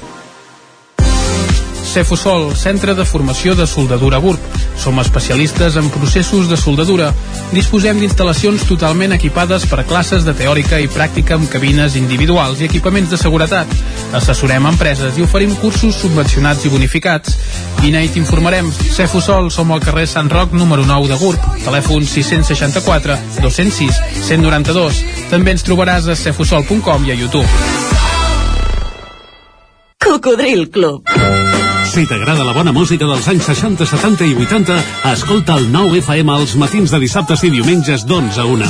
És el temps del Cocodril Club, tot un clàssic de la ràdio, amb les bases del pop-rock, les llegendes, les cançons que s'han convertit en autèntics himnes. Recorda, dissabtes i diumenges al matí, d'11 a 1, al 9 FM 92.8. Cocodril Club, el programa revival de l'Albert Malla. Hasta luego, cocodrilo. Anuncia't al 9FM. La màquina de casa. 9 3 8 8 9 4 9 4 9 Publicitat arroba al 9FM.cat. Anuncia't al 9FM. La publicitat més eficaç. El 9FM. El 9FM. El 9FM. El 9FM. Dos quarts d'onze al territori 17. Anem a Twitter.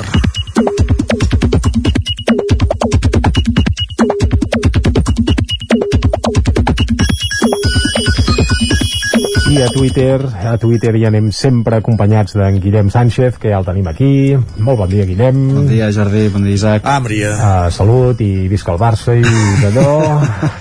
I no sé si els tuits van més pel tema ucraïnès bèl·lic, pel tema barcelonista o per on ho arrencarem avui, això. Uh, de tema barcelonista en parlarem, de tema bèl·lic farem una punt molt suau al final, però començarem per una mica perquè és dilluns i perquè s'ha de començar la setmana amb energia i amb molta força, cosa que a vegades amb alguns usuaris els hi costa una miqueta. Home, deixa'm dir que avui, precisament, els escolars d'energia i força poca, perquè la majoria fan festa. Correcte. Uh, és aquell festiu de lliure elecció per Ah, sí. pair la ressaca sí, de sí, Carnestoltes sí, i sí. fins i tot a Osona, on moltes ciutats i molts pobles No no, han fer. celebrat Carnaval, el dia de lliure elecció i la festa Això no- segueixen sí que, no que avui és festiu. No, no, no. Pogut o volgut, és que costa canviar-ho, eh? perquè el Consell Escolar ho aprova a principis de curs i tot plegat pogut, i sí, sí. costa, costa.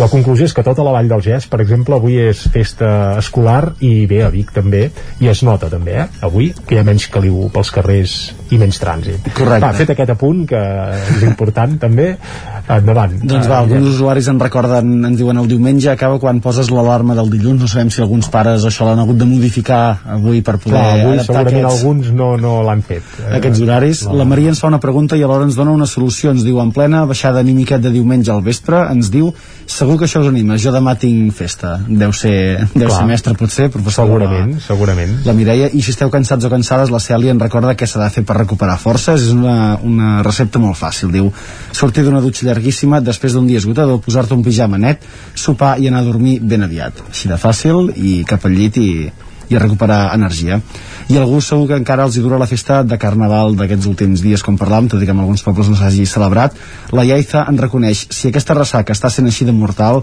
no em vull imaginar la ressaca de la Patum Bé, es pot anar entrenant d'aquí a la patum, eh? Queden dies, eh? jo li, li aconsellaríem això, amb mesura eh? i moderació, però bé. I això d'anar de festa és com, com anar a fer un partit. Si t'entrenes una mica i vas preparat, jo crec que te'n surts molt millor.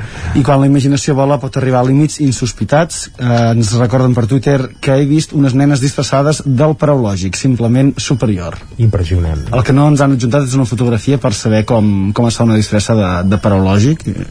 Home, ja hi veig els quadrats, Sí, sí, les també. lletres, el tema és saber, saber què hi amagarien o quines paraules podríem treure del paraulògic que han, que han perpetuat, eh? Seria aquests- divertit. a- Diumenge era, uh -huh. estava fet amb les lletres de Carnaval del Paralògic. Ah, goita. Ostres, doncs, mira. Mira, quines lletres. I no sé si us ha passat mai això que ens comenta un usuari, ens diu fa diverses setmanes que porto una avellana a la butxaca de la jaqueta i què voleu que us digui? Em fa molta companyia. Doncs mira, sí que m'ha passat Va, Jordi, vegades va, va, va. sí, no, no, no, jo em sembla que em porto alguna uh, a la guantera del cotxe i a les butxaques també de què, de què? d'avellanes, sí, Ah, sí, sí diguem que a l'entorn de casa n'hi ha i de sovint vas a fer el vol i no, no, no, són de, de la Vall del Gest també, de Vilaseca n'hi ha, hi ha bastants avellaners per Vilaseca Doncs va, com que sé que ho esteu desitjant, anem a parlar una mica del, del Barça, a veure què ens diuen els usuaris a través de les xarxes. La Maria té una mica de rancor acumulat amb la seva piulada, diria. Ah, clar. Diu, m'agrada pensar que en Messi mira els partits del Barça i lamenta haver marxat al fred de París i els embussos de París i els francesos de París. Diu, que es foti, li diu directament. Home, els embussos de París i els embussos i el de, i a Barcelona, De Barcelona ser si te'ls explico, jo diria que si fa no fa, Deuen ser bastant semblants. Sí, sí. L'Andreu ens fa una altra aportació, ens escriu al que vingui a jugar, sí, sé, al Vic o aquí a Manlleu, Aquí, on sigui. pot aparcar al costat del camp sense problemes, sense embussos i el aniríem a veure cada cap de setmana. L'Andreu doncs ens fa una altra aportació, ens diu el Camp Nou ha xiulat a Dembélé fins que ha fet un gol. Els catalans som així, se'ns poden pixar la boca, però amb un gest en tenim prou. Ho tornarem a fer. Vosaltres sou d'aplaudir-lo, de xiular-lo o... Aquí. Amb en Dembélé. Home, ah, no. és a dir, uh, xiular un jugador teu jo crec que és molt lleig, encara que sigui Dembélé. Ara, potser no cal aplaudir-lo, eh, però xiular-lo... Encara que sigui Figo. A veure, Hi ha casos i casos. Hi ha no, casos i jo casos. dic teu, quan siguem després amb la samarreta de, de ja no diguem del Madrid, se'l pot xiular fins a dalt de tot, xiular i prou, eh? tampoc cal llançar segons què, però vaja. Tens, tens més pilars del Barça? Sí, en Joan és una persona agraïda que ens diu estem tornant a gaudir dels partits del Barça i el seu futbol en una temporada on l'havíem vist sota mínims, gràcies Xavi, i només per destacar-ne una més, diu la d'en Rafa, no és seriós dir-li Pedri el millor futbolista del món. Reflexionem sobre això. Molt bé. Uh, no, és, ho deia perquè Que tenim, dir ell, eh? Tenim una esmena, eh? Diu, sou molt pro Barça en aquest programa. Jo Sí. crec que hauríeu de parlar que s'ha anunciat un nou Pokémon, la regió del qual estarà ambientada en Espanya i hi ha molts memes en aquest sentit força graciosos. I podem saludar l'autor de, del missatge. Isaac Montades, bon dia. Bon, bon dia. Sí, sí, és que som molt pro Barça, eh? Home, Molt moltíssim, pescat, eh? moltíssim. Oh, en, en comparació amb tu, segur. Home, clar, és- en, en parlem ja massa Però si fins i tot tenim, hi ha una tertúlia final on hi ha un madridista, que això no hauria de passar mai, aquí hauríem de tenir un barcelonista, un periquito, i, mira, el i el Girona. del Girona, i apareix un madridista. És que això és Bueno, però jo, jo també sóc del Girona. I plural, pluralitat a tope, mare de Déu. Doncs què dius, de, què dius de Camp Pokémon? Ja m'explica. Sí, no?, que s'ha anunciat un, un nou Pokémon per finals d'any i, i la curiositat, eh, per això ho comento, eh? Pokémon Escarlata i Pokémon Púrpura i estarà ambientada en, es, jo, en home, Espanya, sembla per, ser. Perdó, perdó Sí, però sí. a mi em, em, Sona em sona marcià tot plegat, eh? És a dir, No, no, no, no, no, entenc és- res. No entenc res. O sigui, cada, ca- cada Pokémon, diguéssim, és que no sé s'ambientava en una... és, clar, és que jo, el món Pokémon, Pokémon, sí, no? no, no, no, vaig quedar amb, el, amb, el, amb el plata oro, no sé si hi havia la platino també. Sí, el... en Guillem sí que està situat, eh? Jo, no, jo m'he quedat amb zero, no sé res, no sé res. Sí, no. Això que cada, cada joc s'ambienta en una regió diferent, alguna està ambientada doncs en Japó, en França, en eh, Nova York, també en Hawaii i curiosament doncs es va anunciar ahir per sorpresa que ningú s'ho esperava i, i sembla ser, vaja, sembla ser no, eh, ja es, pràcticament s'ha confirmat oficialment perquè surt d'alguns edificis que poden recordar la Sagrada Família o a la Plaza Mayor de Madrid que s'ambientarà amb Espanya i, i sens dubte hi ha molts memes graciosos. De fet els noms Escarlata i Púrpura hi ha qui diu que Escarlata ve una mica de la bandera més franquista d'Espanya i Púrpura més de la republicana no? vull dir, sí, sí Sí, que molt demà- graciós, mireu, un- mireu si teniu temps perquè és molt graciós. Sí que demà tocarà buscar reaccions, no? I fer Sí, una mica de comentari. Sí, sí, ho- ens han fet una esmena a la secció. Ens ho apuntem, ens ho apuntem, doncs. Ja està, però... Sí, no, ni, ningú del territori 17 crec que en parli, eh? però sí que és, trend, sí que és trending topic a, a Twitter. Eh? Vale, vale. Mira, ara mateix n'estem parlant, però érem al Barça, eh? Tot això ho ha fet per despistar del Barça, Ara. que estava en una bona Sí, sí. forma, que qui l'ha vist i qui el veu, amb en la porta, a més a més, a Vic, per tant, és que el Correcte, teníem aquí fa correcte. quatre dies. És que n'havíem de parlar, era Clar, és que obligatori tocava, parlar. tocava. Gràcies, Isaac. Parlem després de la taula de redacció. Va, fins ara. Fins després. Va, Guillem, seguim, seguim. Perdona, Guillem, la interrupció, podem continuar. No, només per acabar, com dèiem, per fer la punt per lligar esport i també tota la situació que ens estem trobant a nivell mundial, ens comenten tots aquests esportistes que es neguen a anar a Rússia, imagino que tampoc aniran al Qatar o estaran en contra de que jugui el Mundial per la coherència i tal. Ja veurem com evoluciona tot perquè cada dia i cada hora pràcticament hi ha notícies diferents de- d'aquest d'aquest tema tan, tan lamentable. Bé, esperem que la que hagin de donar sigui que sí. cessessen les hostilitats Correcte. i que les armes callen, que és on haurien de ser enterrades i silenciades, no pas eh, disparant-se pels carrers. Doncs va, Guillem, demà, gràcies, demà Pokémon. No, bé. doncs vinga, va, amb aquesta crida I ara, a la Pau, ens n'anem a fer un cop d'ull als digitals del 99.cat. Comencem per l'edició del Vallès Oriental, i el Vallès Oriental, un dels territoris amb un dèficit més gran de pluja en el darrer any. I hem dit, i ens ha dit en Pep Acosta, que està tot molt sec, nosaltres ho hem assegurat, però resulta que el Vallès Oriental és una de les comarques, en aquest sentit, pitjor de Catalunya. També les regulacions de plantilla encara han afectat 268 treballadors al gener al Vallès Oriental i desarticulen un grup acusat de saltar camions aparcats en àrees de servei i polígons a Montornès i a la Roca. Anem a l'edició d'Osona i el Ripollès. Ara mateix obren explicant que la primavera s'avança i es veu un arbre florit a la plana de Vic, cosa que no seria gaire habitual a aquesta època, però que ja està passant. També eh, hauríem de ser capaços d'expressar-nos amb més sinceritat i dir les coses com som. Qui afirma això és Josep Maria Freixanet, alcalde d'Olost, al qual li han fet una entrevista on parla precisament del reconeixement del Lluçanès com a comarca, el més calent és a l'aigüera en aquest sentit. I un manlleuenc, primer pacient de tot l'estat operat d'un càncer amb un robot d'última generació. Aquest manlleuenc és Manel Molera i ho vam explicar aquí a Territori 17. També. Perfecte, doncs eh, fet aquest repàs al món digital, anem a la taula de redaccions i esperen en Guillem Ricó i l'Isaac Montades.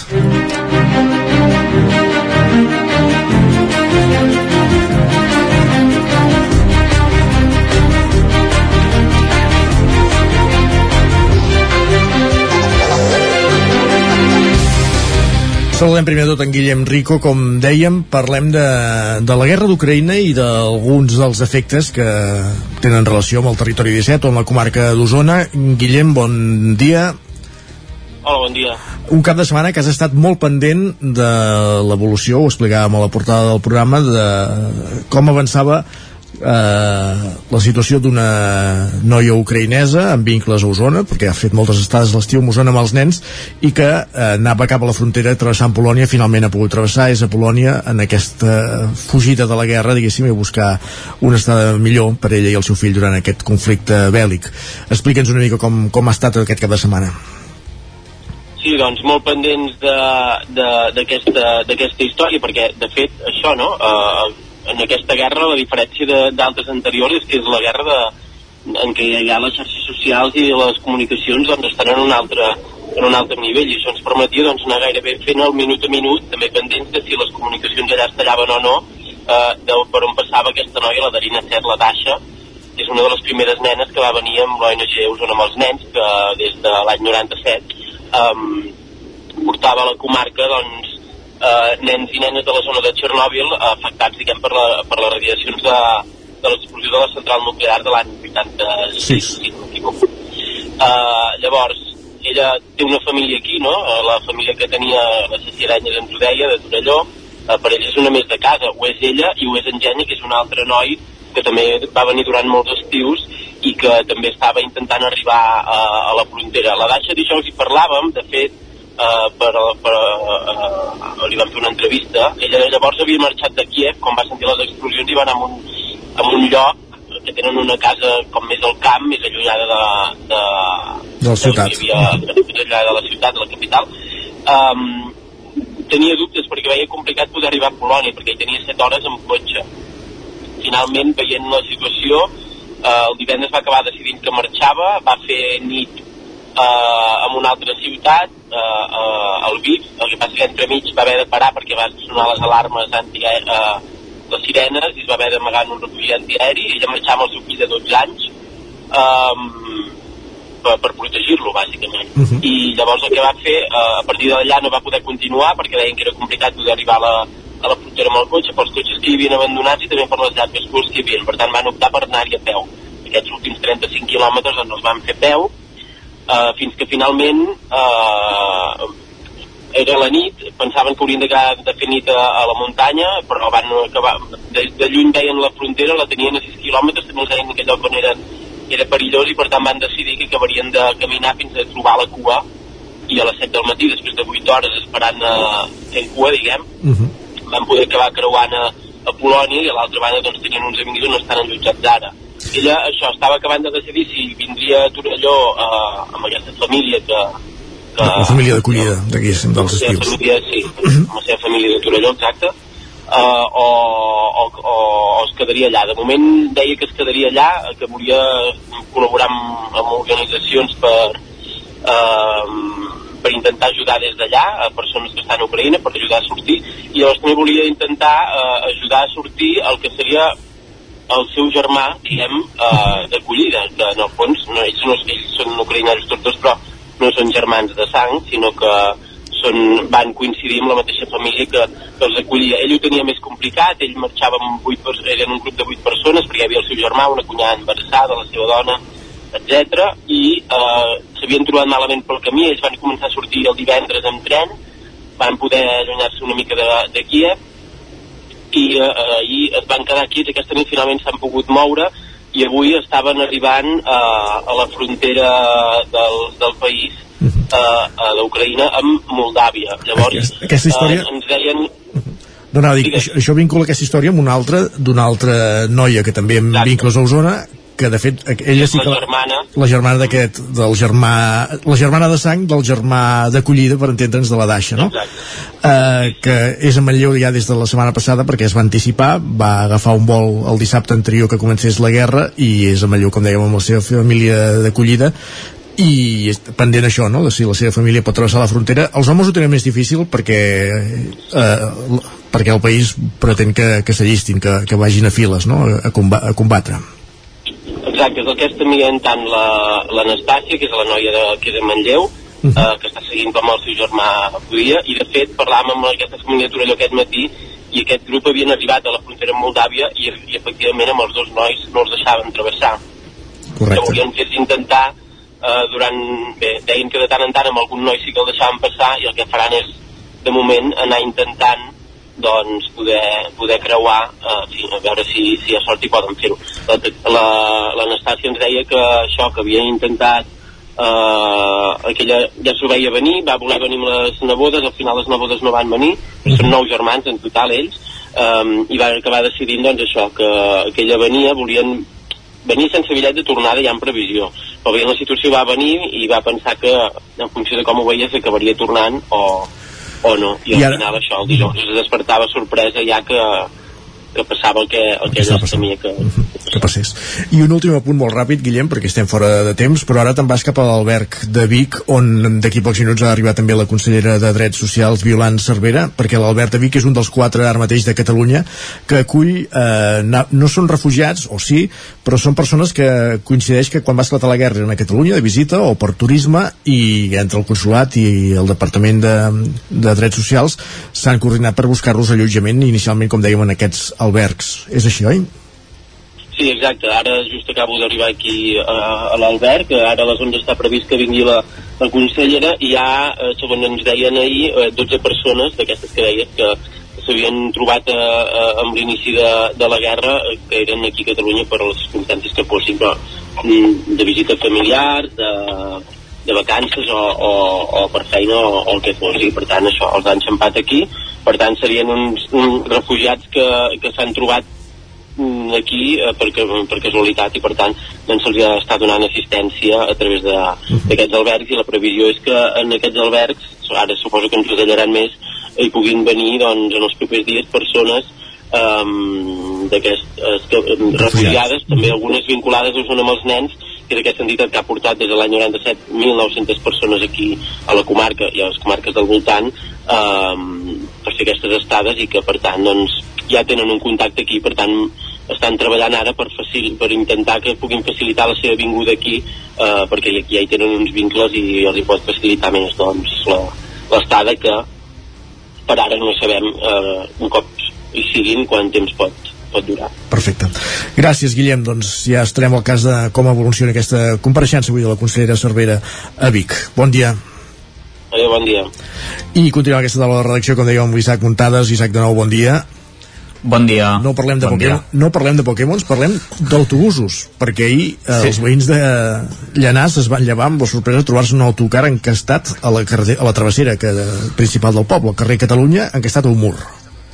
Exacte, això va ser poc abans de les eh, 8 del matí, de fet va ser ben d'hora que un autobús que venia eh, de, diguéssim, de la banda de Vilallonga de Ter i de l'estació d'esquí de, de Set Cases, per dir-ho d'alguna manera, de la Teissa, doncs eh, va anar pràcticament, o sigui, eh, es va, va quedar de, desfrenat, eh, es veu que després es va descobrir que és perquè eh, no s'havia col·locat bé el fre de mà, per És tant dir, era més aviat... El, el conductor Sí. va aturar el vehicle, no va posar el fre de mà i el vehicle... no va posar-lo correctament, exacte, no va ser que es quedés sense frens com eh, es podia pensar en un principi, sinó que va ser una, un error humà uh, l'autobús es va desfrenar va anar recte contra, contra aquest mur que hi ha molt a prop també del que és la plaça de l'OM de, l'Ajuntament en ple centre de Llanàs, per dir-ho d'alguna manera i, i per sort doncs, va xocar contra el mur però no es van haver de lamentar uh, més danys que aquests materials eh? no hi va haver-hi ferits perquè en aquell moment doncs, uh, no hi havia passatgers a, a dins de l'autobús i també el conductor va sortir uh, totalment uh, il·lès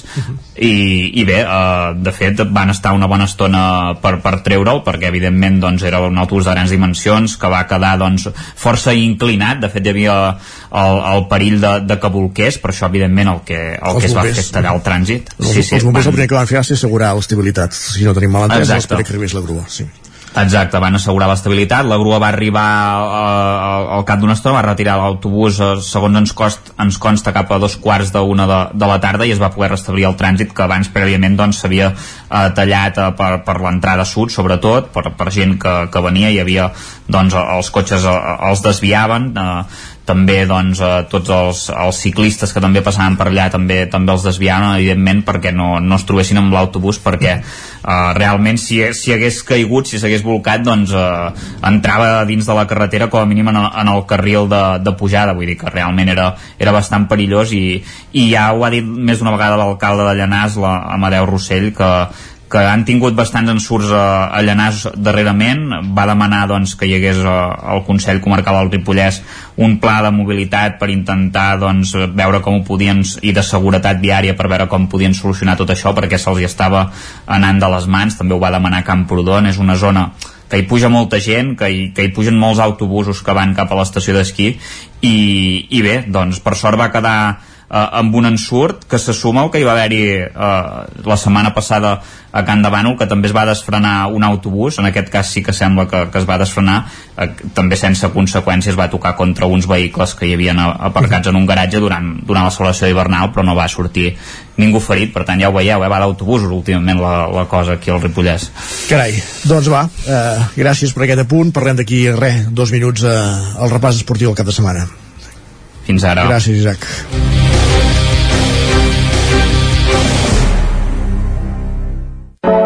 Territori 17, el 9 FM, la veu de Sant Joan, Ona Codinenca, Ràdio Cardedeu, Territori 17.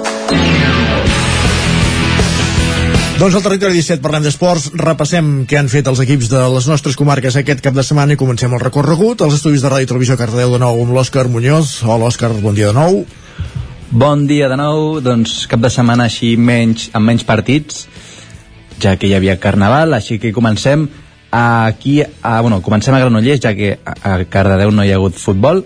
L'Esport Club de la tercera divisió espanyola, grup 5, que cada setmana va empatar a un gol contra el Sant Andreu, el setè classificat de la Lliga. L'Esport Club que segueix a la quinzena posició. Porta des de la novena jornada a la quinzena posició, o sigui, uns 16 partits.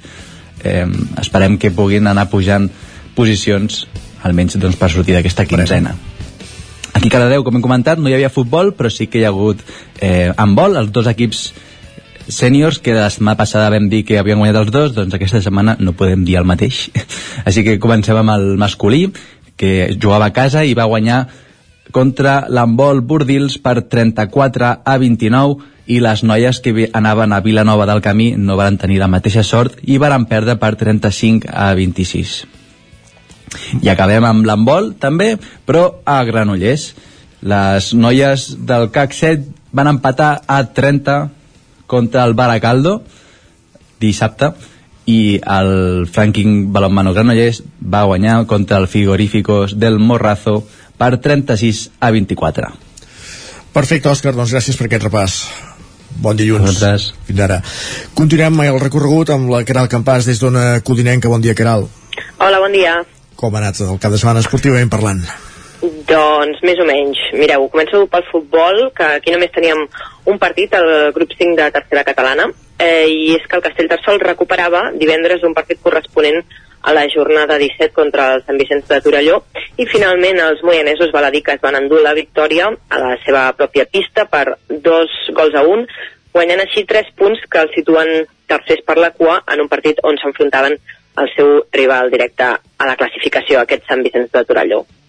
I me'n vaig a hoquei, on aquí tenim més males notícies, eh, i és que les noies del Vigas i Riells, que les tenim a primera divisió, van ser derrotades pel Telecable per 4 a 3.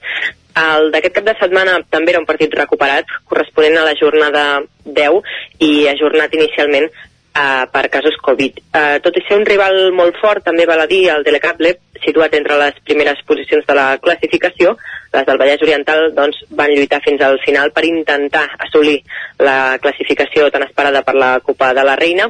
I tot i això el partit va acabar amb aquesta derrota, com us deia, del Vigas, que va arribar cap al final del partit després d'un temps mort demanat pel Telecable amb aquest uh, definitiu 4 a 3. I a segona divisió masculina eh, tenim el Sant Feliu de Codines. Recordem que aquesta passada setmana eh, es va fer oficial la destitució de Chino Doncel com a entrenador de l'equip i Climent Pedrós eh, el substitueix eh, fins a final de temporada.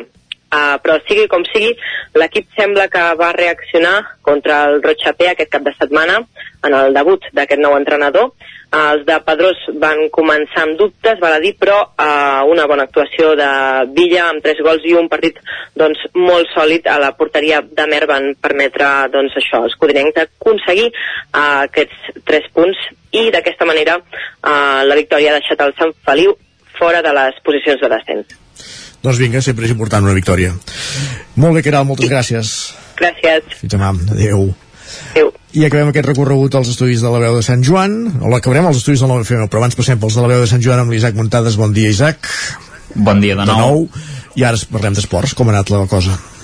Teníem uh, bàsicament do, dos partits, uh, un dels quals és, és oficial, uh, que doncs tenim bones notícies perquè l'Hockey Club Ripoll va vèncer per 3 a 5 al Caldes B en aquest uh, derbi del territori 17, en el primer partit de la segona fase de primera catalana, i és una victòria important perquè manté els ripollesos en la lluita per l'ascens, perquè els quatre primers uh, fan play-off, i ara mateix el Ripoll encara no està classificat entre els quatre primers però és cinquè amb 9 punts i precisament doncs, eh, s'ha quedat a un sol punt del seu rival eh, Alcaldes, per tant doncs, eh, bones notícies perquè realment era un partit complicat. Eh, dir-vos que els ripollesos doncs, van dominar a la primera meitat. Uh, tot i així els calderins es van avançar en el marcador però el Ripoll va reaccionar molt bé i va empatar de penal ràpidament i tot seguit Enric, que va ser el gran protagonista del partit amb quatre dianes, em, em va aconseguir fer dues de consecutives per posar un immillorable 1 a 3, 1 a 3 al marcador. El Caldes va aconseguir reduir distàncies eh, amb el 2 a 3, però a la segona part doncs, el Ripoll sí que va ser molt millor, eh, va tenir les ocasions més clares, va aconseguir fer el quart gol, minuts més tard amb una falta directa va fer la maneta i, i el Caldes va ser bastant inofensiu en atac i només va poder fer un tercer gol estèril ja en els últims minuts. Dir-vos també que Jaume va ser l'autor de l'altre gol ripollès, eh, que ja us dic que Enric va ser el gran protagonista amb quatre, amb quatre gols. Uh -huh. I ràpidament dir-vos que l'amistós de futbol que va enfrontar el Camp de Manoli al Camp Prudent divendres al vespre al, al camp dels verd i blancs va acabar doncs, amb victòria local per 2 a 0, per tant el Camprodon segueix amb la dinàmica negativa i el Camp de Mànol, encara que no li donin cap punt i que no serveixi de, de res a la classificació perquè no és de la seva lliga guanyar aquest partit, doncs va ser capaç de vèncer un equip de categoria superior i agafa moral per la competició domèstica. I així mantenen l'esperit competitiu. Gràcies, Exacte. gràcies Isaac. Parlem a la tertúlia. Adéu, Fins ara. Fins després. I ara sí que hem el recorregut dels estudis del 9FM amb l'Ester Rovira. Bon dia, Ester. Bon dia. Cap de setmana també marcat per competicions ajornades, per carnavals, però alguns partits s'han disputat. Sí, exacte. Uh, bàsicament és, és això, només dues competicions, l'hoquei Lliga Plata i la primera divisió nacional femenina de futbol eren les que tenien jornada de competició, la resta, com bé dius, eren partits pendents uh, d'aquests dies, la majoria suspesos per, per la pandèmia de, de Covid-19. Um, un de, dels que s'ha disputat uh, a l'hoquei Lliga era el que tenia pendent el, el Voltregà, en aquest cas per competició europea a la pista de, de l'Alcobendes, uh, un partit on els de Manolo Barceló van estar negats de, de cara a gol uh, davant un conjunt madrileny molt més efectiu de cara a porteria i el resultat final que va ser un 2 a 1 que, que no permet als de Sant Hipòlit doncs uh, puntuar i, i, i escapar-se de- d'aquesta zona uh, perillosa. de, de la classificació. Si continuen amb, amb, 14, amb 14 punts uh, en el cas de l'hoquei Lliga Femenina també jugava el primer equip femení de, del Voltregà. Uh, en el seu cas uh, les uh, de Sant Hipòlit jugaven a casa contra el Vilassana que és el líder de, de, la, de la competició i hem de dir que, que van aconseguir un bon empat a tres gols, l'últim sospir del partit de fet va arribar uh, el gol d'Ainar Xe que, que suposava uh, la igualada per les de Sant Hipòlit a, a tres gols i per tant en aquest cas s'ha de considerar molt bo el punt i, i permet uh, doncs, uh, el conjunt voltreganès continuar en línia ascendent. Aquesta temporada recordem que al principi uh, va costar molt que sortissin les coses i sobretot puntuar però ve de mica a mica ho fan i fins i tot contra rivals uh, grans com és uh, en aquest cas el, el Vilassana. Uh, ara mateix les de Sant Hipòlit que són novenes a la classificació amb 17 punts, molt lluny del Vilassana això sí, que en té, que en té 40 però bé, en tot cas el que dèiem és això que el que és important és que continuï la, la progressió. A l'Hoguei Lliga Plata com dèiem sí que hi havia jornada uh, aquest cap de setmana es disputava la 14a uh, després d'uns dies sense jugar i el Taradell rebia el Ribes les Lagunes davant de qui va tenir prou uh, amb una falta directa per emportar-se el partit uh, un, una falta directa que va transformar Dani Rodríguez i que, com dèiem, doncs això els va permetre uh, aconseguir una victòria que els manté segons a la, a la classificació uh, només superats per al Vilafranca que té un punt més que els taradellencs per tant aquesta, uh, aquest objectiu d'aquesta temporada de, de tornar a l'hoquei Lliga si més no es va encarrilant de manera positiva. I el Pativic en canvi uh, va perdre el derbi de Bracons davant l'Olot uh, un Olot que va encarrilar el partit ja als primers minuts amb gols només començar l'enfrontament i va acabar guanyant per 2 a 5 davant un Vic desdibuixat uh, que no va, no va ser capaç de, de, doncs, de trobar-se bé i de poder capgirar uh, aquest uh, partit. I ara mateix els biguetans són vuitens a la, a la classificació amb 17 punts perseguit justament uh, per darrere per, per l'Olot però no uh, doncs, encara uh, per haver-se de preocupar perquè ara mateix les, les places de descens les ocupen el Vilanova i el Raspeig amb 6 i 2 punts uh, respectivament. I per últim, uh, això que dèiem també hi havia jornada a la primera divisió nacional femenina de, de futbol on el Vic Riu primer visitava el, el Pardinyes que és el QE del grup 3 de la, de la classificació i les biguetanes que van aconseguir marcar 6 gols uh, davant d'un rival que va acabar amb 10 jugadores. Uh, per tant, victòria comodíssima de, de les usonenques uh, que van fer especialment una bona segona part on van arribar 5 d'aquests uh, 6 gols i això doncs les permet uh, ser uh, vuitenes a la, a la classificació amb 26 punts uh, una classificació que lidera l'Europa amb 55 amb un avantatge molt còmode respecte a la resta de, de rivals i això seria tot uh, doncs el que hi ha hagut aquest cap de setmana que dèiem això de Carnaval i en què uh, havia de ser de, dels grans carnavals i que per això doncs molts partits o moltes competicions no tenien jornada. M'has espantat amb això que el Club Pativic estigui mirant cap avall a l'hoquei plata, eh? Això. Sí, no, però, però lluny, eh? Vull dir que sí que és, és vuitè la classificació de 12, però amb molta diferència respecte als dos que ocupen les places de descens i, i per tant, sense haver de patir per mirar enrere, el que passa és que sí que és veritat que el seu objectiu era mirar més amunt I, tant, sí, i, sí. i que els hi ha faltat regu regularitat, per tant, eh, és difícil perquè sí que encadenen eh, doncs alguns empats o algunes victòries, però, però també hi ha derrotes com aquesta i això és el que no els permet eh, doncs estar més, més a prop de les places que, que els permetrien somiar amb tornar a l'hoquei Lliga.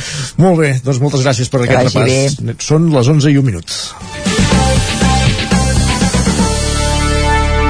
I a aquesta hora el que fem és actualitzar-nos al Territori 17. Territori 17, amb Isaac Moreno i Jordi Sunyer.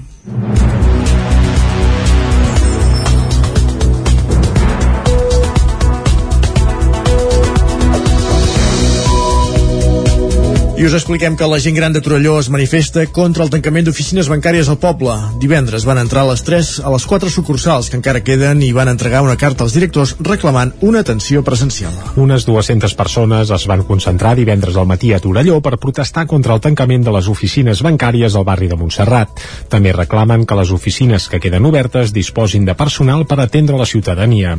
Escoltem a Josep Sobirà, un dels organitzadors de la mobilització. Que volem, de moment, un respecte i una assistència per tots nosaltres i la gent que es pugui trobar amb problemes o que hagin de tenir algun, algun problema, alguna dificultat o, o bé una consulta a través dels, del personal del banc que actualment són els que són, però almenys que siguem ben atesos a totes a les hores que tinguin obert d'oficina. Durant la marxa van entrar a les diferents entitats bancàries que queden a Torelló per entregar una carta als seus directors, expressant les seves reclamacions. Teresa Iats, una de les afectades, explicava que algunes entitats no els han tractat gens bé.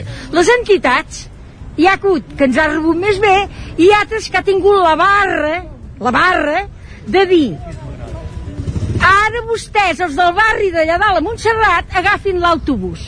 Doncs miri, jo ni amb autobús puc baixar, perquè porto quatre pròtesis, vaig coixa i la cama no se m'aixeca per pujar l'autobús. O sigui, que tenen un morro que se'l trepitgen. Aquesta noia no deu tenir avis a casa seva, ni pares, ni ningú. Això és la directora del BUVA. També demanen que els ajuntaments els donin més suport i presentin la problemàtica a organismes supramunicipals. Agustí Costa és un altre dels que es van mobilitzar. Penso que els ajuntaments tenen una eina molt poderosa que a més l'Ajuntament de Torelló hi està adherida, que és l'Associació de Municipis. Aquest malestar no és a Torelló. Aquest malestar mm, jo diria que és arreu. Per tant, si això es plantés de cara a, a, ho plantegessin l'associació de municipis tots plegats jo crec que eh, seria molta, molta cosa. El col·lectiu s'ha donat ara tres setmanes de marge. Després es reuniran amb l'Ajuntament de Torelló i valoraran què s'ha fet i què pensen fer les entitats bancàries a curt termini per resoldre la situació. Més qüestions. La Fiscalia demana 5 anys de presó a un jove de Calla Atenes acusat d'atemptat a l'autoritat i desordres públics en el marc de les mobilitzacions de l'1 d'octubre de 2020. Des de Pigot Negre i Alerta Solidària defensen que la seva detenció va ser injustificada i ja han organitzat concentracions de suport. El pròxim 6 d'abril, en Moli de Call d'Atenes i en Pau de Terrassa seran jutjats a l'Audiència Provincial de Barcelona acusats pel Ministeri Fiscal de desordres públics i atemptat a l'autoritat en el context de les mobilitzacions de l'1 d'octubre del 2020. En total, els demanen demanen 5 anys de presó per cadascun dels dos. Des del grup de suport als encausats Pigot Negre i Alerta Solidària consideren que l'actuació policial d'aquell dia va ser del tot injustificada i que les, de les detencions d'en Moli i en Pau van ser tan sols una quota. Pigot Negre ha posat en marxa una campanya per donar suport als dos encausats i exigir la seva absolució. Sergi Molina, Moli, ho agraïa amb aquestes paraules. Tot suport és benvingut les coses passen millor quan veus que la gent està al teu darrere. La Guaio ara mateix estem esperant la sentència, que estem segurs que serà absolutòria, perquè no hi ha cap altra raó. Esperem que també la meva ho sigui. Espero poder trobar-vos a tots els actes que anem realitzant i que junts puguem seguir cap a les bones causes i que desmentim tots aquests judicis polítics que estan fent perquè sí. L'organització demana seguir mobilitzats per causes com aquestes. Escoltem a Sílvia, de Pigot Negre. Perdre por el discurs de, de, de la solitud que ens volen fer, el discurs de perquè ell està així, jo no tornaré a sortir, i aquest no ho podem permetre més mai més podem permetre això. Sortirem tots els cops que faci falta al carrer a manifestar-nos i el que, el que faci falta a partir d'ara. Els propers actes per demanar l'absolució d'en Moli i en Pau seran el 24 de març en una concentració que es farà a la plaça Major de Vic. L'1 d'abril també es farà un sopar solidari a la plaça 11 de setembre de Call d'Atenes i el mateix dia del judici es farà una concentració de suport davant l'Audiència Provincial de Barcelona. El Bisbat de Vic deu 1.500 euros al patronat del Museu Etnogràfic de Ripoll, mentre que l'Ajuntament paga 200 euros al mes per guardar el lapidari del monestir, que és propietat de l'Església.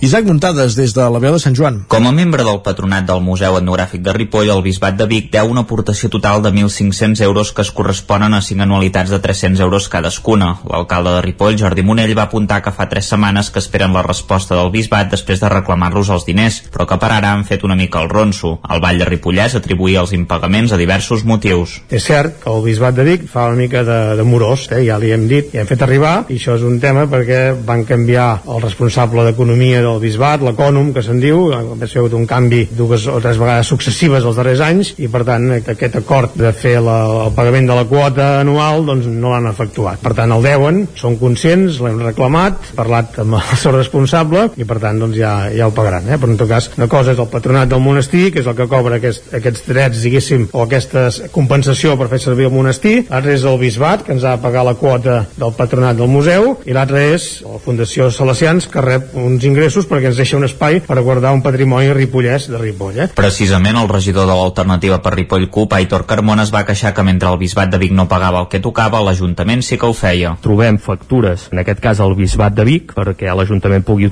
utilitzar el monestir, en aquest cas hem trobat doncs, una factura pels actes d'homenatge a Joana Mills i la cluenda d'un curs d'interpretació que ascendeix doncs, a 665 euros. Ja és xocant no només que haguem de pagar per poder fer ús del monestir de Ripoll, però que ara és més bèstia si, tenim en compte que nosaltres paguem religiosament, mai més ben dit, aquesta factura, i resulta que el propi bisbat ens deu doncs, ja fins a 5 anualitats com a membre del patronat del museu. No sé si és el procediment habitual que tenen des de l'equip de govern de pagar a qui té deutes amb nosaltres. I és que fa uns anys que cada cop que l'Ajuntament utilitza el monestir de Ripoll per un acte cultural n'assumeix les despeses que se'n derivin. Monell va apuntar que devien pagar uns 125 euros per sessió per tal de cobrir la consergeria, la calefacció o la llum. D'altra banda, Carmona va comentar el conveni que té signat el consistori amb l'escola salesiana per guardar el lapidari que abans estava a l'església de Sant Pere. En aquest acord estava estipulat que l'Ajuntament pagava un lloguer mensual de 250 euros a l'església per guardar unes peces que són propietat del mateix estament eclesiàstic. Monell va fer una recapitulació històrica per explicar-ho tot en detall. El lapidari és el conjunt de làpides, restes de capitells i columnes que procedeixen de la restauració del monestir de Ripoll del segle XIX d'Elia Rogent, algunes de les quals eren al claustre i d'altres a l'església de Sant Pere. L'any 2017 el Bisbat de Vic va fer una sessió per utilitzar l'espai per fer-hi activitats culturals i posar-hi l'exposició permanent de Sant Pere.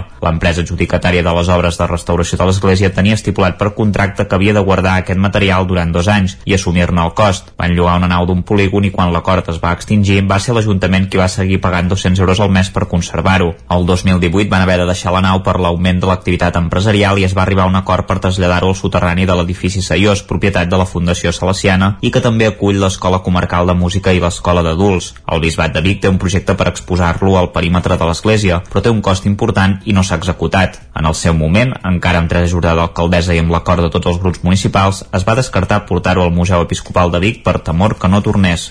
Demà al matí, Sant Feliu de Codines recupera la tradicional festa de l'Escudella després d'un any d'aturada per la pandèmia. Des del territori 17 hi serem des de bon matí per explicar-vos-ho. Caral Campàs, des d'Ona Codinenca. Sí, demà al matí, des de ben d'hora, els escudellers i nosaltres mateixos estarem a la plaça Josep Humbert Ventura davant l'Ajuntament. Aquest any i després de la pausa obligada al 2021, Sant Feliu de Codines reprèn aquest costum i aquesta festa tan arrelada, una festa que enguany compleix 233 anys d'existència. A més, enguany els alumnes de les dues escoles de primària de la població i també l'Institut Manuel Carrasco i Formiguera visitaran durant el matí la plaça del poble on es cuinarà l'escudella i coneixeran el procés de producció. L'escudella es farà fins a la una del migdia quan el mossèn beneirà el brou.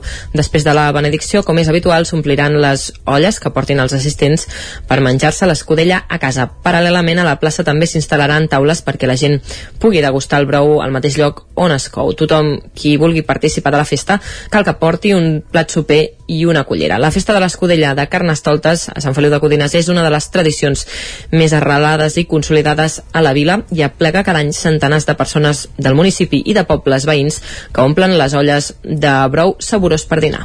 Doncs com bé deies, Caral, demà us ho explicarem. Des de les 9 al matí el territori 17 serà allà, a Sant Feliu de Codines.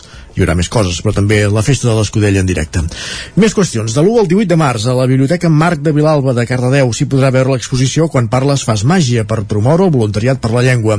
Núria Lázaro, des de Ràdio Televisió Cardedeu. L'exposició Quan parles fas màgia forma part d'una campanya del voluntariat per la llengua que a partir de la metàfora de la màgia vol aconseguir que més gent s'animi a formar part d'aquest programa de pràctica oral del català. La proposta del voluntariat per la llengua es basa en la creació de parelles lingüístiques formades per un voluntari o voluntària que parla català fluidament i un aprenent o aprenenta que en té coneixements bàsics i vol adquirir fluidesa. L'exposició que es pot visitar de l'1 al 18 de març a la Biblioteca Mar de Vilalba du vinculat un petit concurs. A través d'un qüestionari amb butlleta i amb codi QR s'han de contestar 14 preguntes, algunes de les quals es poden respondre a partir dels panells de l'exposició i d'altres són de llengua. Poden participar-hi les persones majors de 14 anys i entre les encertants se sortejarà un obsequi consistent en dues entrades per a l'obra Iaia que representarà el Teatre Auditori de Cardedeu el dissabte 7 de maig a les 7 de la tarda. Per entrar en el sorteig cal haver encertat un mínim de 10 preguntes. La persona guanyadora es donarà a conèixer a través de les xarxes socials de l'Oficina de Català de Cardedeu i de la Biblioteca Mar de Vilalba el dia 1 d'abril. El voluntariat per la llengua ofereix dues modalitats. Presencial, les parelles han d'assistir al lloc de trobada que hagin acordat, i virtual, les parelles fan les trobades a través de plataformes de videotrucada. El programa va néixer l'any 2003 i ja hi han passat més de 150.000 parelles. Els agents rurals de Catalunya ja tenen el seu propi conte. Una petita història il·lustrada per Pilarín Vallès que ajuda a explicar la seva tasca i també a fomentar les vocacions. La presentació es va fer a Vic i és un dels actes per celebrar els 35 anys de la creació del cos. Petita història dels agents rurals. Aquest és el títol del llibre il·lustrat per Pilarín Vallès que es va presentar la setmana passada al Temple Romà de Vic en el marc de la celebració dels 35 anys de la creació del cos a Catalunya. L'actual director dels agents rurals, l'usonenc Marc Costa, va tenir la idea de poder editar el conte. Era un deute que s'havia de corregir i que també coincideix amb una nova etapa dins el cos. Ho detalla el mateix Marc Costa. Començar a donar més a conèixer eh, què és el cos agents rurals i especialment a la canalla, no? perquè aquí s'ha parlat diverses vegades d'una paraula que també us repeteixo una altra vegada, que és la vocació però les vocacions no neixen espontàniament. S'han també d'explicar. I és molt important que amb els infants expliquem una mica què és el cos agents rurals. I per això necessitàvem un material que què millor que la petita història d'acord, dibuixada per la Pilarín tinguin eh, accés directe explicat per nosaltres a través del programa d'Educar de què, quina és la nostra feina Pilarín Vallès defensa que la seva, de feina, és fer divertir els altres i sobretot els més petits, però hi ha moments que demanen una contribució més pedagògica i social per ajudar a explicar la tasca, per exemple, de bombers, policia o els mateixos agents rurals. Escoltem a la Pilarín Vallès. Tens la impressió que, a més a més del ha-ha-ha, que que és una cosa importantíssima, eh? I ara, amb tot això de la pandèmia i tot, s'ha vist. Però que, a més a més, hi ha algun moment en què som útils. També és molt bonic perquè a vegades podem fer que els nens coneguin a quina societat han anat a petar. Però també, per què no, suscitar alguna vocació els agents rurals se sostenen sobre tres grans potes, la col·laboració en la gestió del medi ambient, fer de policia administrativa i judicial en temes de medi ambient i la sensibilització i educació en aquest àmbit. Els actes de celebració dels 35 anys dels agents rurals acabaran aquesta tardor amb una exposició al Palau Robert de Barcelona.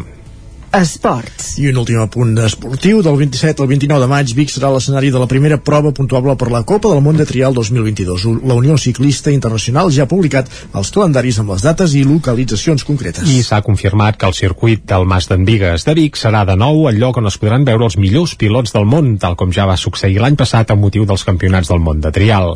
Durant els tres dies de Copa del Món se celebraran tres jornades de competició per decidir els primers líders de la competició internacional.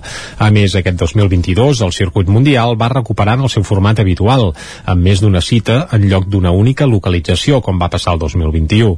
Amb la prova inaugural de la Copa del Món de Trial, a finals de maig, la capital usonenca completarà una setmana intensa dedicada a aquest esport, i és que el dia 22 del mateix mes tindrà lloc el Trofeu Internacional Ciutat de Vic, que tancarà l'edició d'enguany de la Copa Osona, després de les proves que es disputaran a Sant Julià de Vilatorta i a Folgueroles. Gràcies, Jordi, que aquí aquest repàs informatiu que començàvem a les 11 en companyia de Jordi Sunyer, Isaac Muntades, que era el Campàs i Núria Lázaro. Anem tot seguit als solidaris.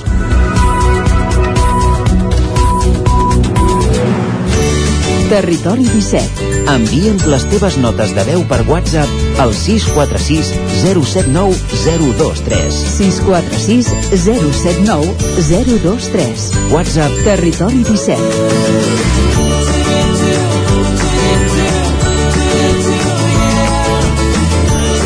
Territori 17. Som a Facebook, Twitter i Instagram amb l'usuari Territori 17.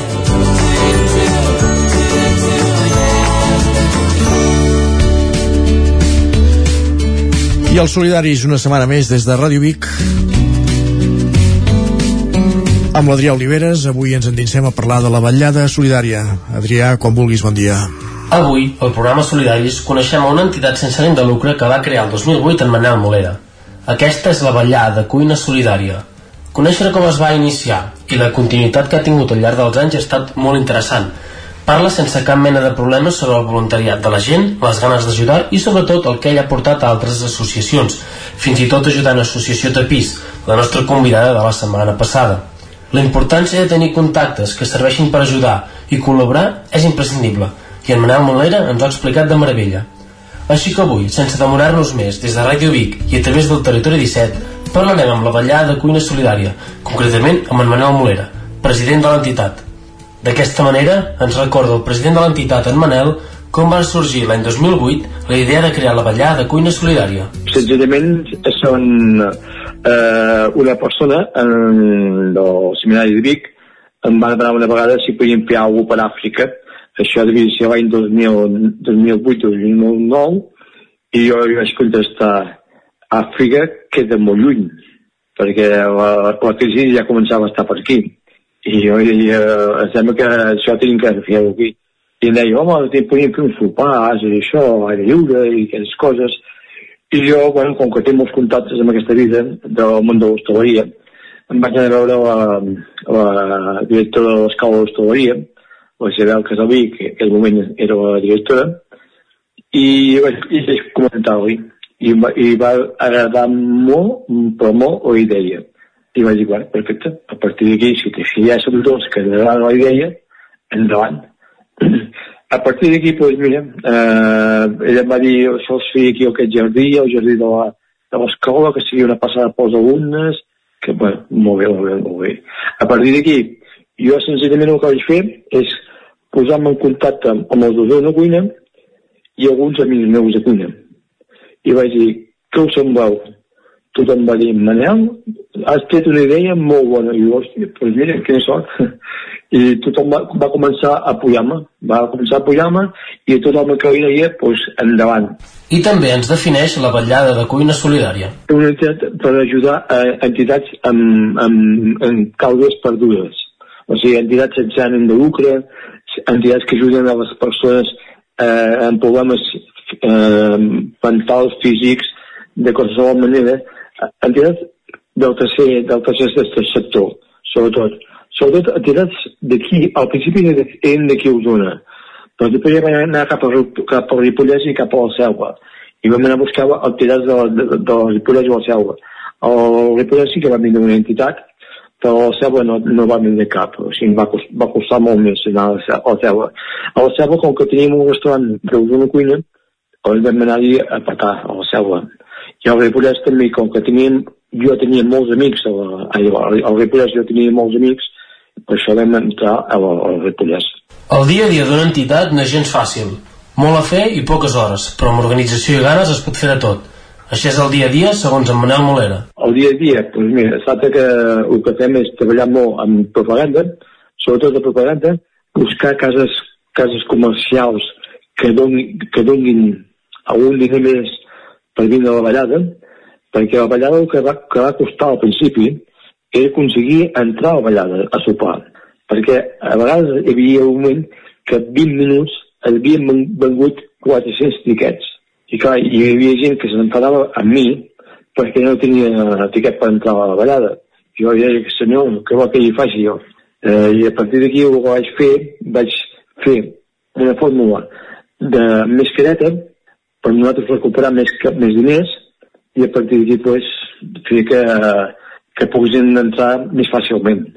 Però bueno, tot això va ser invents que dic jo del veu, que això.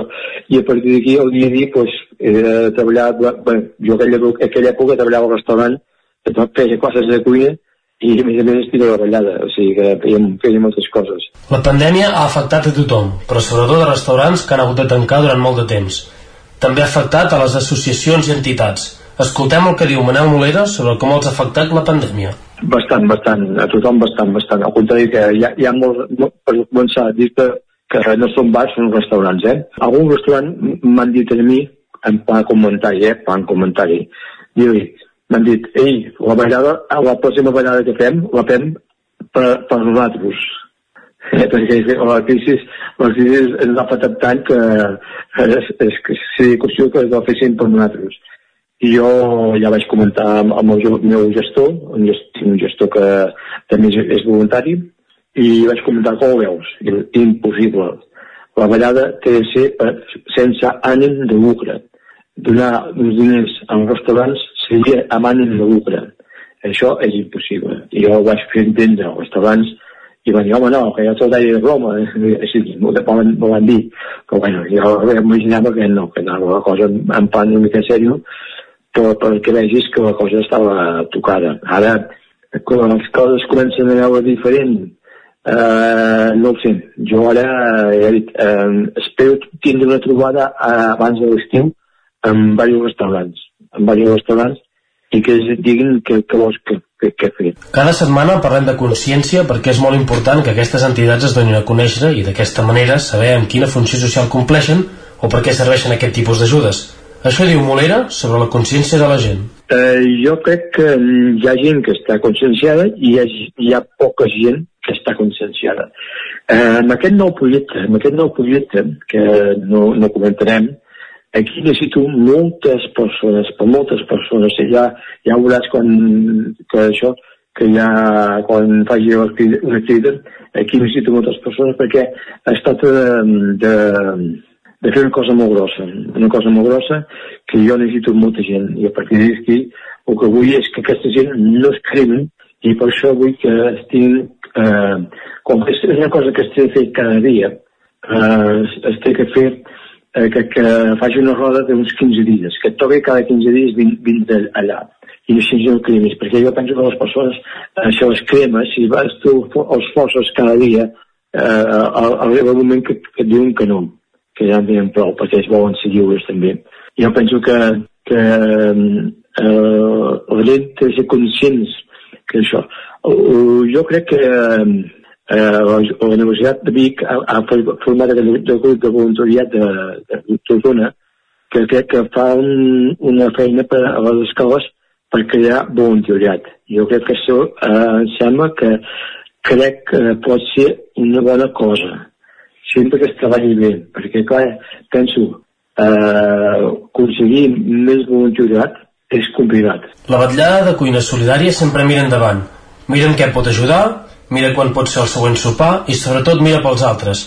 Així veu el futur el president Manel Molera. Però jo penso que també l'entitat una mica venda unes més, més joves, obertes, eh, que poden fer més coses que jo, que no siguin no, diferents.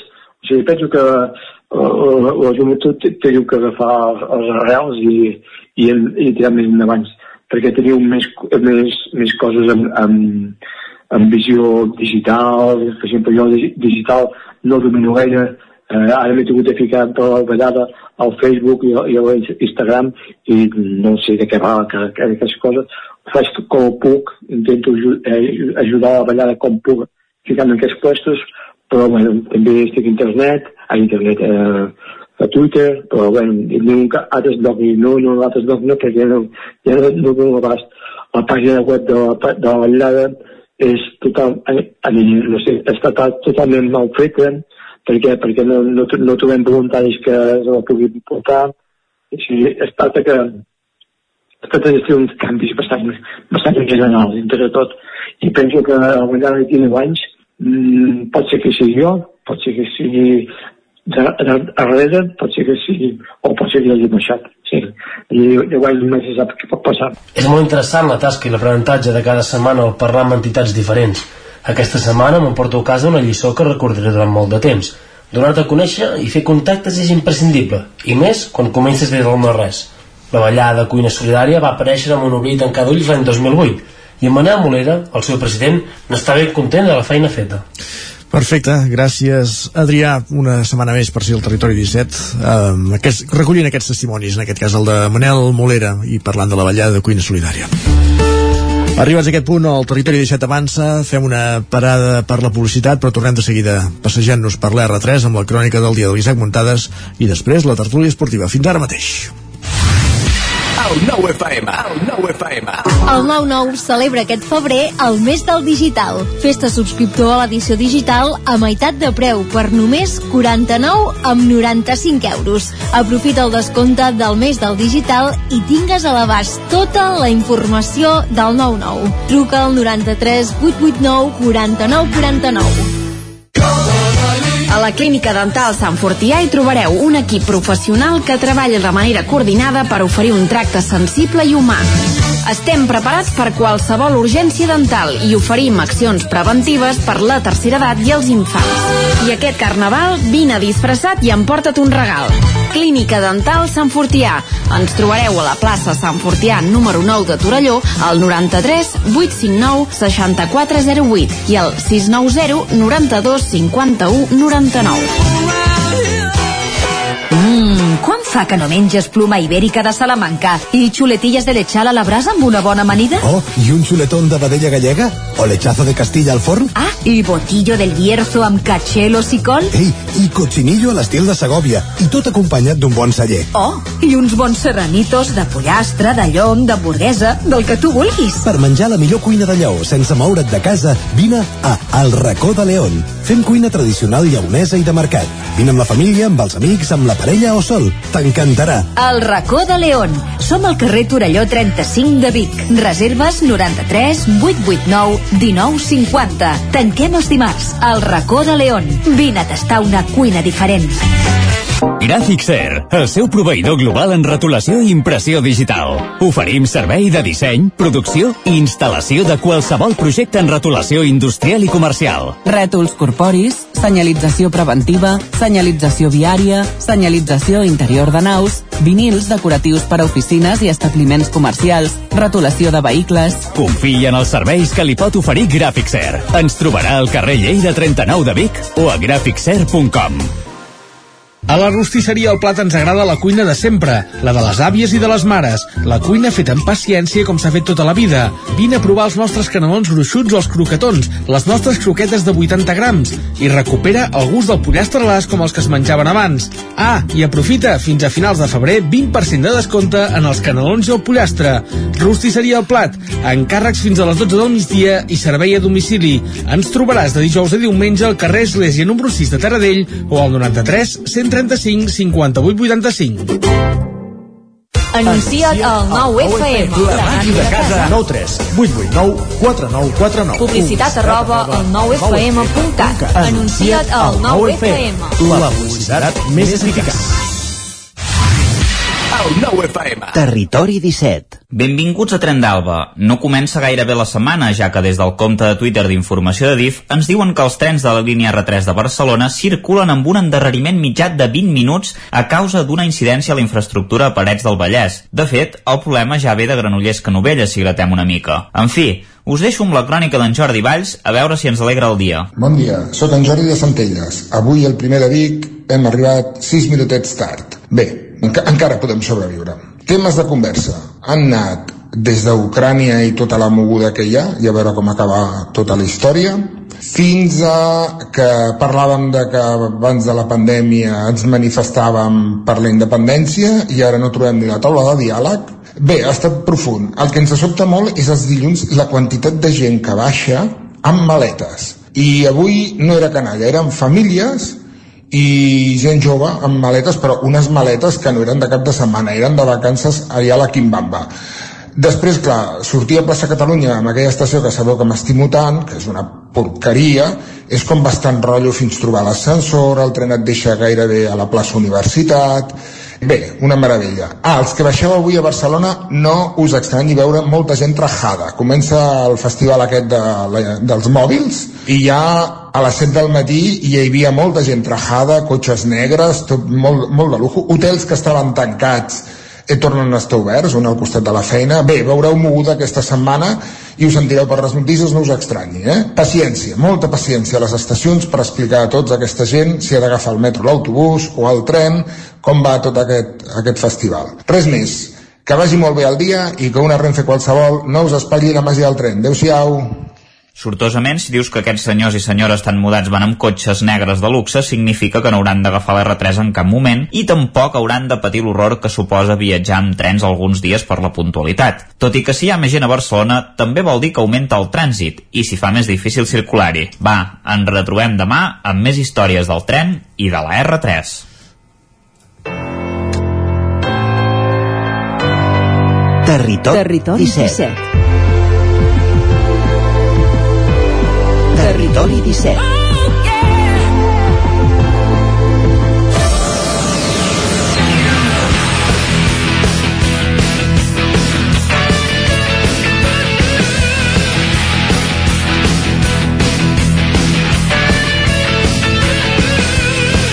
Gairebé 3 minuts que passen de dos quarts de 12. Comencem la tertúlia esportiva al Territori 17 en companyia d'Isaac Muntades, de Lluís de Planell. Se'ns incorporarà en breu en Guillem Freixa. Bon dia, benvinguts tots dos de Mentres. Bon dia.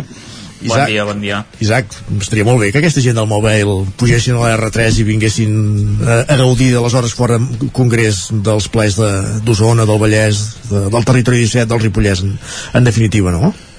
Sí, no, però si ho diem, si tenen aquests cotxes negres tan luxosos, suposo que preferiran anar amb cotxe, no? Perquè veient una mica com està el panorama de l'R3 i, i que fins a Vic, per exemple, doncs Potser encara no està del tot desdoblat, doncs... Potser seria la manera, home, no? Sí, seria, seria la manera, però, ostres, no, no els veig ja jo pujant al tren, la veritat, eh? Home, si, si volen viure una aventura, que vinguin amb tren, home. Sí, exacte, si volen viure una aventura, sí. doncs va, parlant d'aventures, parlem de futbol, eh, un cap de setmana que acabava ahir la nit nit amb el Barça 4 Atlètic 0 eh, al migdia males notícies per un espanyol. Eh, no vaig veure el partit, vaig sentir coses per la ràdio. Vaig veure el Dona Pas que feien el 324 durant la tarda amb paraules molt poc amables cap al joc de l'Espanyol. Lluís, no sé, tu que duries el partit com, com ho vas veure? realment un equip desdibuixat com ens definien?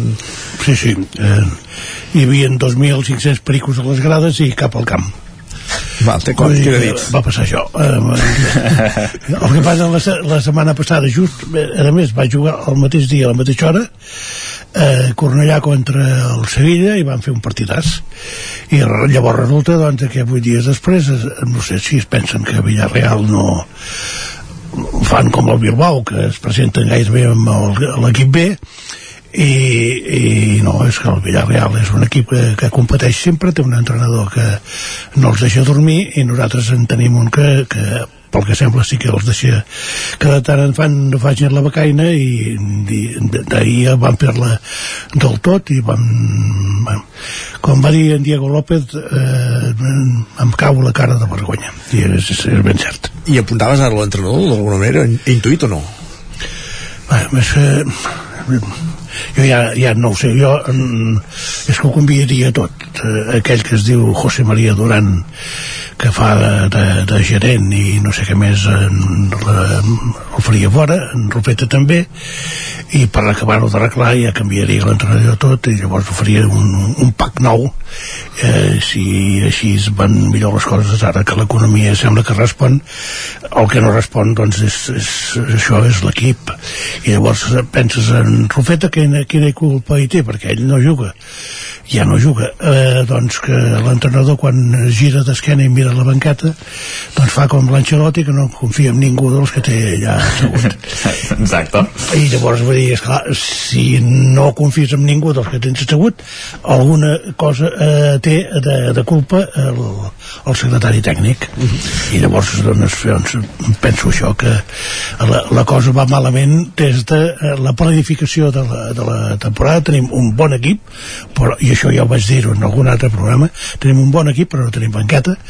I llavors, clar, si un dia doncs, surten adormits com va passar ahir a Villarreal doncs has de moure i eh, el que has de fer doncs això eh, eh, sang nova perquè l'equip reaccioni però és que la sang nova no existeix i ja dic que el, i és, és, eh, a vegades parlem d'aquest efecte Dragon Camp del Barça, eh, que guanya una victòria són campions de la Champions i perdem un partit i ja jugaríem a quarta catalana, però una mica amb l'Espanyol passa el mateix també, perquè... evidentment, evidentment eh? perquè veníem, de, veníem d'acabar l'any que semblava que estava una gran temporada i tot plegat i ara portem, no. porteu un mes que no, que no guanyen cap partit i ja la cosa s'agradaria no, no, i és que a més, el, eh, a més la, eh, jo dilluns passat vaig dir aquí que l'Espanyol havia jugat el millor partit de la temporada contra el Sevilla això, eh, això no priva, eh? vull dir que no deixa de ser sorprenent perquè és una situació que no, no l'entens amb un equip aquest i jo no sé quina influència hi pot tenir l'entrenador des d'aquest punt de vista des del punt de vista que, que, que els jugadors surtin motivats sempre i juguin que,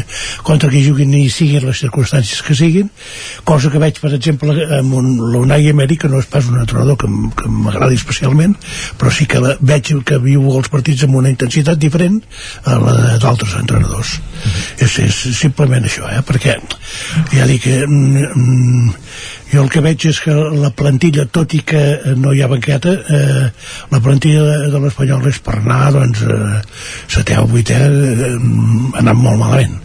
Vull dir que, eh, com a mínim, hauria de, de lluitar per, per anar a Europa, la qual cosa llavors faria que la, això que trobo a faltar jo, que és la banqueta, eh, reactivés i tingués uns jugadors de, de més nivell que els que té en aquests moments. S'ha incorporat ja en Guillem Freixa, Guillem, Isaac, que no sé si podeu portar alguna cosa més al tema de l'Espanyol. Bueno, jo de l'Espanyol veig això, que tenen... Eh, normalment es repeteix molt aquesta història, no?, de, de sostre i terra molt marcat, que eh, es fa un, un bon tram de temporada, ja sigui al principi o al final, en, un, en algun moment concret de la temporada, però quan s'arriben aquestes posicions eh, que Europa ja es veu a, a tocar, agafa mal l'altura i normalment llavors ve una sotregada i jo crec que eh, quan us acosteu cap a baix també se sol reaccionar i va haver la, la caiguda de fa un parell o tres de temporades que sí que es va caure a segona divisió però que l'equip et dona per, per salvar-se i com bé diu en, en Lluís el problema acaba sent també això no? el, el, el fons de, de plantilla els recursos per sacsejar eh, l'equip per fer vari, variables d'un partit eh, a l'altre i la clau seria aquesta no? Una, algun any aconseguir entrar a Europa o fer un, una temporada eh, molt bona a la Lliga per, per accedir a Europa i llavors els recursos doncs, ja et donarien per engegar aquesta, no, aquest cercle virtuós que per exemple el Villarreal eh, ho ha sapigut fer molt bé al llarg de, dels últims pràcticament mm, 15-16 anys i amb, també amb aquest parèntesis quan van baixar a segona però és un equip que sempre ha sapigut fer eh, temporades més que acceptables a la Lliga que li han valgut per anar a Europa i amb Europa doncs anar trampejant eh, eliminatòries però assegurar, això sí, els recursos per construir una, una plantilla competent. De maneres, el Villarreal viu una situació diferent perquè és un equip que jugava contra el Manlleu sí, sí. Eh? no sé si us en recordeu vosaltres sí, sí. Jo però, no. però era, no, era, no, no. doncs sí, sí, era un equip de segona divisió B o, o de segona o de tercera divisió directament en, en aquest cas no jugava contra el Malleu però segona divisió B, eh, B sí i havia anat bastantes vegades la, el Malleu a Villarreal. El camp del Villarreal ara si el tenim en imatge del que veiem per la televisió hi ha una part en, coberta amb 4 o 5 grades i llavors ve la tribuna superior doncs aquelles 4 o 5 grades era tot el que hi havia de camp, no? de camp en aquells moments. Imagines si han canviat les coses. Però esclar, el Villarreal s'ha trobat en aquesta situació un, equip, un equip de, de, de, de, de futbol modest que ho compra un senyor i que aconsegueix enlairar-lo fins allà on t'ha arribat que, que allà on t'ha arribat va ser la semifinal de la Champions. Fallant un penal, no? exactament, ser... Enriquelme va fallar un penal que si no haurien jugat a, a París contra el Barça, el Barça. la final de la, de la Champions. Vull dir que clar, eh, en, en aquest home no pot tenir cap eh, mena de pressió per part de ningú. A Villarreal perquè és clar estan eh, visquent un somni que a més sembla que continuarà el seu fill i per tant vull dir que aquest somni pot durar molt. Pues, eh, és que és això, és un somni consolidat, eh? La idea aquesta, la dificultat de, de consolidar un somni, perquè jo crec que són molts anys, eh? Perquè la, la, la semifinal de Champions estem parlant de l'any 2006, vull dir, ja fa uh, 16 anys. Sí, però per la història del futbol, eh, eh? estem, sí, parlant de clubs centenaris, estem parlant de clubs centenaris, ja, eh? Sí. Vull dir que, i, i eh, nosaltres en tenim 121. Sí, sí. Eh? ara anem pel 122 ja vull dir que no, no és això sinó el, el, el fet de que eh, tu agafes un equip, en el cas del Villarreal, sense cap mena de pressió, i pots fer eh, el que et sembli, i a més ho fas bé, uh mhm. -huh. perquè està comprovadíssim que ho ha fet bé, perquè ha venut jugadors que havia comprat a preus de parrac i els ha venut per autèntiques milionades, i llavors, vull dir, a més està, està, està traient un gran rendiment de l'equip, està a la Champions el Villarreal en Betso, i sí. cosa que no, per exemple, hi ha algun equip com el Barça que no pot dir. No, i, i, i també el, el Villarreal també que s'ha sabut fer molt bé, que, que jo crec que està en una situació, o podria estar en una situació similar a l'Espanyol, és amb la base. El Villarreal ha, ha treballat també molt bé la base i és una de les, dels, de la, de, no, els planters més destacats de, de l'estat espanyol i anant nodrint també eh, el primer equip amb, amb jugadors de la base i, i també eh, venent i l'Espanyol jo crec que també té la, la infraestructura, la capacitat i fins i tot la tradició no? de, de, de jugadors del planter i sí que van arribant al primer equip però mm, potser no acaben de no sé si de, de portar tot el que s'esperaria d'ells o, o amb més regularitat, amb més llargada en el temps. Llavors hi, hi ha homes com en Quique Setién que té Joan Jordan i li diu, diu que no el vol Uh -huh. I, llavors veus clar tots ho veiem que aquest nano apuntava coses jo no sé si eh, fins a aquest punt però en aquests moments és, el, és un dels líders del, del Sevilla l'equip que sí, va segon classificat vull dir que clar, llavors tens eh, ja, ja dic, fitxes segons, segons quins entrenadors amb una mentalitat diguem conservadora que s'estimen més un, una, eh, un jugador eh, diguem eh, eh, que ja ha jugat molts anys a la categoria mm. que no pas un nano que està pujant i que eh, eh, ho ha demostrat uh -huh. Uh, això era la creu del cap de setmana, la cara aquest 4-0 del Barça amb l'Atlètic de Bilbao ahir i ja venim del partit de dijous al camp del Nàpols que pocs ens ho pensàvem fa 15 dies que el Barça sigui capaç de superar aquesta eliminatòria amb aquesta contundència, no Guillem? Sí, el que dèiem de l'efecte pèndol eh? avui segurament si us trobeu uh, culers pel carrer, al bar o on sigui um, doncs ens veiem capacitats de, de lluitar per la Lliga i per l'Europa League. I, i endavant, sí, i endavant les atxes.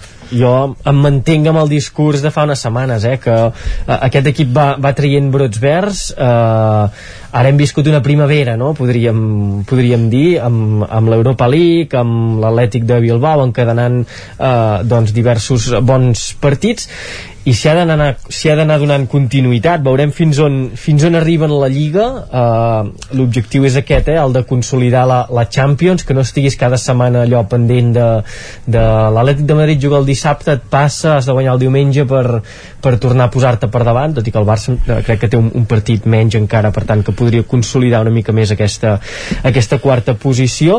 En la Lliga jo crec que l'objectiu ha de ser aquest uh, el partido a partido que fa tanta ràbia de, de Simeone però però que li ha anat donant resultat al Barça jo crec que l'ha d'aplicar i a l'Europa League jo crec que ara ja sí que ha de ser il·lusió doncs il·lusió eh, quedar fora en la primera eliminatòria doncs potser sí que hagués sigut tot i que no ho haguéssim reconegut ja us ho, ja us ho dic eh? uh, una petita decepció però ara tot el que vagi venint doncs eh, ha de ser una competició que ens ha de generar il·lusió també per aquesta no, per aquest interès que tenen les eliminatòries anada i tornada, que sempre doncs, eh, és, és, són xules, no? són divertides aquestes eliminatòries. Ara el Galatasaray, que en principi també ha de ser un rival assequible, um, tot i que ja vaig sentir alguns comentaris que no em van agradar perquè uh, és això, no? en hores baixes que és, és cert, eh? el Galatasaray està en hores baixes però ja menys prear d'aquesta manera un rival mm, crec que no, no s'hauria de fer perquè el Barça ve d'on ve també, vull dir que tampoc estan per, per tirar coets els hi ha de donar eh, per potencial superar el Galatasaray però tampoc anar ara de, de divo a, a l'Europa a l'Europa League perquè fa 15 dies eh, estàvem al revés amb el Nàpols que sí, sí, ja es deien que el Nàpols ens passaria per sobre que no sé què i que no sé quantos i al final el bany que hi va haver la setmana passada a, a Nàpols doncs va ser bastant impressionant. I a la Lliga, bueno, el que diem eh, el Madrid mm, la guanyarà fàcil aquesta competició perquè té Benzema que està encertat, Vinícius que també doncs fa bones jugades i és capaç de, de fer... encara que sigui el 1993 eh? i de casualitat sí, sí. Eh? Bueno, i, i Courtois que para vull dir, amb lo mínim van, van tirant és, són, són un dièsel al Madrid van, van fent mica en mica i els hi donarà per guanyar una lliga que jo crec que no passarà a la història de, de, de la història de la, de la lliga Estàs buscant Pokémons, Isaac. Sí. Sí, sí, estava buscant Pokémons. No, quan el, quan el Madrid va líder i amb 15 punts, ara té d'avantatge amb el Barça, em sembla, uh, no, no té cap mena de mèrit i Sí. és una lliga que, que la guanyarà bueno, per què passava per allà, no? No. Perquè si Benzema ha fet algun gol amb el cul, suposo, i Courtois No. l'espara també amb l'esquena sense voler i, No. i, i al mig del camp no, no són grans jugadors i, bueno, no sé, jo a vegades eh, flipo una mica amb colors, però bueno, jo ho entenc que estigueu tots Flip- posats. Flipes en blanc, no fotem, colors no. Sí, però, però puge, ara tots pugeu a la xavioneta i jo, jo ho entenc A la que, xavioneta. tots, que, tots, que tots estigueu contents i que i recordem que la, a, vegades les furgonetes s'encallen com els hi va passar als de la CUP a, en aquell espot electoral. Vull dir, s'ha d'anar amb compte i, i vigilar perquè com, com va dir també Uh, em sembla que va ser Manolo Preciado va dir ni, ni antes éramos el Bayern Leverkusen ni ahora somos la última mm, eh, que cagó Pilatos vull dir, el, el Barça mm, ha fet un mes bastant bo sí, sí. en què també ha tingut algun partit una mica complicat com el de l'Espanyol i realment ha guanyat equips que, en, que estaven en hores baixes eh? també, recordem-ho eh? perquè sempre diem que quan el Madrid guanya un equip és perquè el rival és, és molt dolent, ha fet un mal partit però el, el Barça recordem que guanya un Atlètic de Madrid que fins fa dos dies no ha ressuscitat una mica, un València que no és el València de, dels anys passats i que sí. jo penso que no, no està en el seu millor moment, un Nàpols que també tenia moltes baixes i un Atlètic de Bilbao que ha reservat la meitat de l'equip per jugar a la fi- semifinal de la Copa del Rei vull dir, anem a posar les coses en context ja, però el Barça pens- tampoc era el gran Barça és que clar vull dir Sí, que les- no, i evidentment, i evidentment el Galatasaray, doncs home, té Arda Turan amb sobrepès, sí. vull dir, clar, és, és, un, equi- és Ja. un equip que, que, no, Ells- que evidentment sí. el col·legiareu, el guanyareu de pallissa. ells mateixos ja en Mare de Turan jo crec que no hi confien massa eh, que va ser un fitxatge per diguem, Sí, no, insuflar una mica de, de quota 89 partits mediàtica aquest any. però, Però que vull dir que, que, que tranquils, que, que a poc a poc, que a final d'aquest mes visitareu el santuari i llavors allà doncs ja parlarem de què, de què passa, perquè el Madrid, recordeu que ja comença a anar cap amunt, eh? Uh, sí que és veritat que no confiem a la banqueta, això és un problema, perquè no estan jugant alguns jugadors que jo crec que haurien de tenir més minuts, però crec que els hi arribarà el moment, eh, en aquests jugadors. El Madrid eh, aviat començarà a fer algunes rotacions i, i jo què sé, potser eh, el dia al Barça per sorprendre-us jugarem amb Bale i Hazard, no? Per, per veure que una, mi, una mica per per, per donar-vos una mica d'avantatge però bueno, també serà sorpresa no? De totes maneres, Isaac, estaràs, estaràs d'acord amb mi que eh, dissabte eh, al camp del Rayo ni en Vinícius ni eh, en Benzema van estar eh, especialment encertats però mira, a l'últim moment fan la jugadeta ells dos Sí. i solucionen Bueno, el partit abans em sembla que algú ha dit el 93 83 eh? Abans, Ah, perdó. sí, sí, no va ser no va ser l'últim minut, eh, tampoc. I, vull dir, el, i el Madrid va tenir alguna ocasió i, i podria haver marcat abans. Ens- el que passa és que portem 8 partits que la primera part no marquem que ja, us, ja miro el mòbil quan vaig a mirar el partit i dic, bueno, la primera part sé que estarà en 0-0 ja m'ho miraré al final perquè tots els partits són iguals i sí que això és una mica preocupant d'això que s'ha de matar una mica el partit abans però el Madrid a les segones parts clar, la gent diu, oh, és que el Madrid estan tots cansats i el físic baixa no sé què, però si el Madrid soluciona tots els partits a la segona part, el Madrid és dels millors equips físicament que hi ha, que estan ara mateix. Bueno, o... sí, sí, o... sí, doncs, o un Madrid que això eh, que arrenqueja durant tot el partit i al final una espurna a davant i una espurna darrere serveix per anar resolent partits perquè fins i tot els últims que, que heu anat guanyant amb, amb resultats còmodes hi han hagut fases que no, que no està molt bé. Però llavors és això, eh, una, una espurna i es tira el partit sí. el partit bueno, endavant. i, ja, ja arribarà, el partit bo ens l'estem guardant ens l'estem guardant. Ens l'estem guardant per, per, PSG, per la Champions no? Sí, sí, sí. Allà sí que... Aquell dia veuràs uns... Aquell dia, la primera part, segurament és bastant probable que acabi 4 o 5 a 0. No, no voldria, no voldria aventurar-me, però aquell partit... Traurem tots el els gols que han entrat... sí, traieu me l'he jugat, però bueno, jo ho dic per, per si després surt, que ja sabeu que jo encerto encerto moltes coses eh? sí. de totes maneres no, no. l'altre dia amb això tant el Barça com el Madrid l'altre dia sí. eh, l'Unxué va, va presentar en un acte que hi participava a aquesta casa a la Universitat de Vic sí. exactament eh, va presentar el seu llibre eh, que en definitiva és una lluita contra o, o unes ganes de lluitar contra l'ELA i, i que s'hi implica la societat. I bé, ell, ell va, va parlar de futbol ell és, era porter i entrenador de futbol i va dir una cosa diu, amb el Barça vaig guanyar un títol i l'estàvem celebrant i ja, ja pensava en el proper repte Uh -huh. o sigui que els títols eh, en una casa que en teniu tants eh, i això val tant pel Madrid com pel Barça eh, us sembla que és una cosa més un, un, una xifra sí. més i per tant ara ja hem d'anar per l'altre perquè aquest ja, ja, ja, ja l'hem acabat i llavors és una mentalitat que no sé si això fins i tot us fa contents en els, en els seguidors eh? Bueno, jo crec que genera un perfil sociològic d'aficionat al futbol i en aquest cas al Barça i també al, al Madrid però el Barça potser és, és més accentuat eh, força curiós no? perquè jo ho pensava en aquests últims temps que el Barça ha anat eh, perdent o que no guanyava podríem, podríem dir, jo pensava hosti, eh, Canalla que va néixer l'any 2004 eh, 2005 és que han viscut en l'opulència total eh, jo, Correcte jo, jo sóc sí. més gran i, i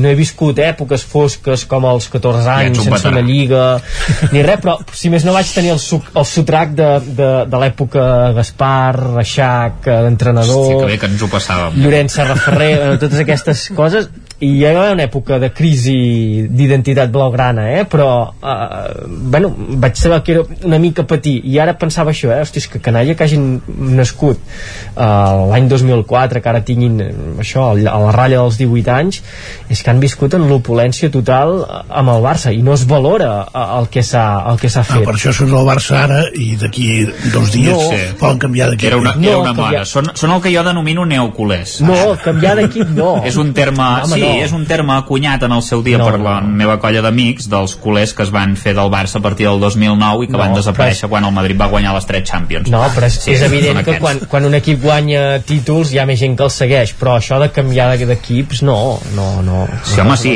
no, no, gent que no els interessava el futbol i de cop i volta eren ah, neoculers. Sí. Bueno, això és un altre tema. Vull dir, sí. això, eh? La, la... N'hi havia molts d'aquests, eh? Sí, també és cert. Sí, n'hi havia molts. Però això passa amb tot D'acord, si ara es posés de moda, no sé, qualsevol cosa que generés un interès els Pokémon. a les, als Pokémon no, això ja ho és, eh, de moda.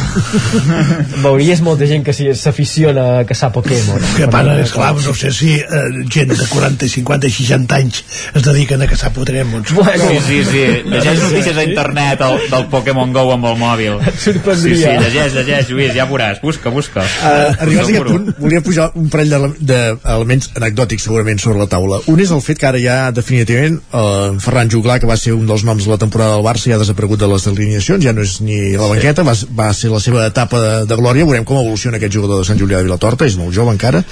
Té ofertes d'equips de primera divisió. I l'altra cosa, un tuit que vaig veure la setmana passada, l'endemà de la victòria a Nàpols de, del periodista usonenc Pep Capdevila, que apuntava que seria el moment ja de començar a fer sortir l'Arnau Tenes i començar a fer seure en Ter Stegen tu, ja, i, i, començar, i potenciar aquesta figura com a nou porter del Barça Clar, jo, de, Evidentment hi havia gent que se li tirava al damunt, eh? Però vaja. jo de, de lo d'en Juglar crec que això, eh, que la seva aparició al primer equip del Barça crec que ningú discutirà que va ser produïda per les circumstàncies i que Ferran Juglar realment la va aprofitar eh, és que al, al 150% vull dir, a, a la perfecció perquè podia haver quedat en una anècdota i anant bé marcarà la seva carrera com a futbolista o sigui que eh, Sí, xapó sí. per en, per en Ferran Juglar i del tema Ter Stegen Ah, clar, Ter Stegen sí que ha tingut una temporada més irregular d'alts i, i baixos però crec que tampoc se'l cal tampoc se l'ha de eh, crucificar ara en aquest moment de la temporada. Una altra cosa és que arribem al mes de juny que pel que sigui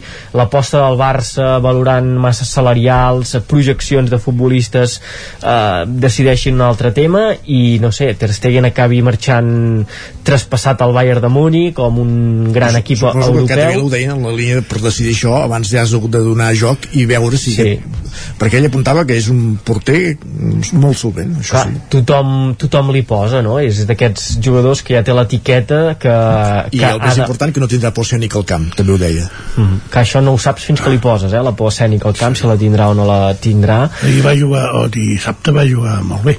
Mhm. Sí, sí, ara sí que està jugant perquè el, com que van treure Iñaki Penya cap al Galatasaray precisament I llavors el fan anar amb autobús de, de, de, de, del COI fins a, a Barcelona perquè dormia una estona i, i sortia de, de, de tercer porter bé, són coses que en el futbol d'avui tampoc s'entenen gaire això Mhm. aviam perquè hi han d'haver tres porters ja ho sé que es pot, se'n pot lesionar un eh, fins i tot a l'escalfament però és que és una cosa que estadísticament ha passat poquíssim sí, sí.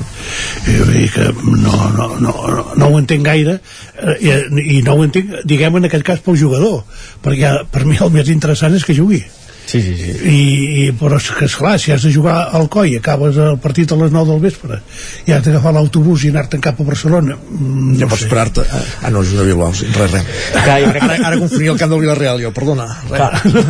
jo crec que aquí la clau també a vegades les anècdotes acaben marcant les carreres dels futbolistes no? en Víctor Valdés entra en un moment que hi havia un buit de poder a la porteria del Barça crec que eh, hi havia Pepe Reina Dutruel per allà barrejats i acaba Rusto va arribar. acaben apostant-s'hi Rusto acaba entrant Valdés una mica com en la rotació aquesta per aviam qui ho fa més bé i s'hi acaba quedant, jo sempre poso l'exemple del Club Patí Vic d'hoquei, és un altre esport però és el mateix exemple Víctor Agramunt era inamovible a la porteria del Club Patí Vic fins que en una, que era una fase final europea es lesiona entre Sergi Fernández i tothom veu que allò és un porteràs doncs si passa una acció d'aquestes en el Barça que pel que sigui o juga algun partit i ho fa molt bé o Ter Stegen es lesiona o passa, o passa alguna cosa i ha de jugar i ho fa bé llavors potser serà el moment de fer el torn. Però però canviar així en sec jo diria que mm, almenys per l'entorn del jugador perquè el jugador el que vol és jugar segur.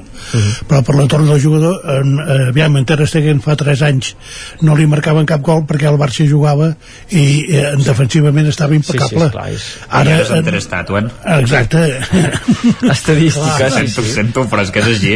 És que, és, però ara en, tu, en Piqué sí, sí. té uns quants anys més eh, l'Eric doncs no, no està fiançat no.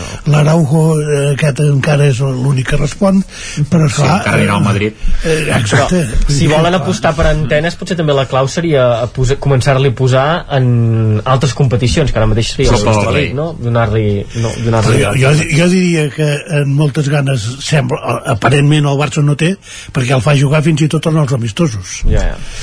Vull dir que, esclar, la Copa del Rei, que semblaria que és la, la competició, per, com a mi, no per antenes, sinó per en neto, doncs la juga en Ter Stegen, perquè es veu que és un noi molt trempat i molt simpàtic, però a l'hora de, de cedir el lloc a la porteria no, no, No no, no, no, no, no, Tens tuat, eh? no, no, no en Tens deixa ni tuat, una. eh? Va, som-hi, nois. Bon, uh, bon dilluns. Gràcies a tots tres per ser avui aquí. Adéu. Bon dia. Dia. adéu, adéu Territori 17 un magazín del nou FM. La veu de Sant Joan, Ona Codinenca i Ràdio Cardedeu amb el suport de la xarxa. Acabem aquí. Tornem demà, com dèiem, en directe des de Sant Feliu de Codines. Bon dia. El nou FM.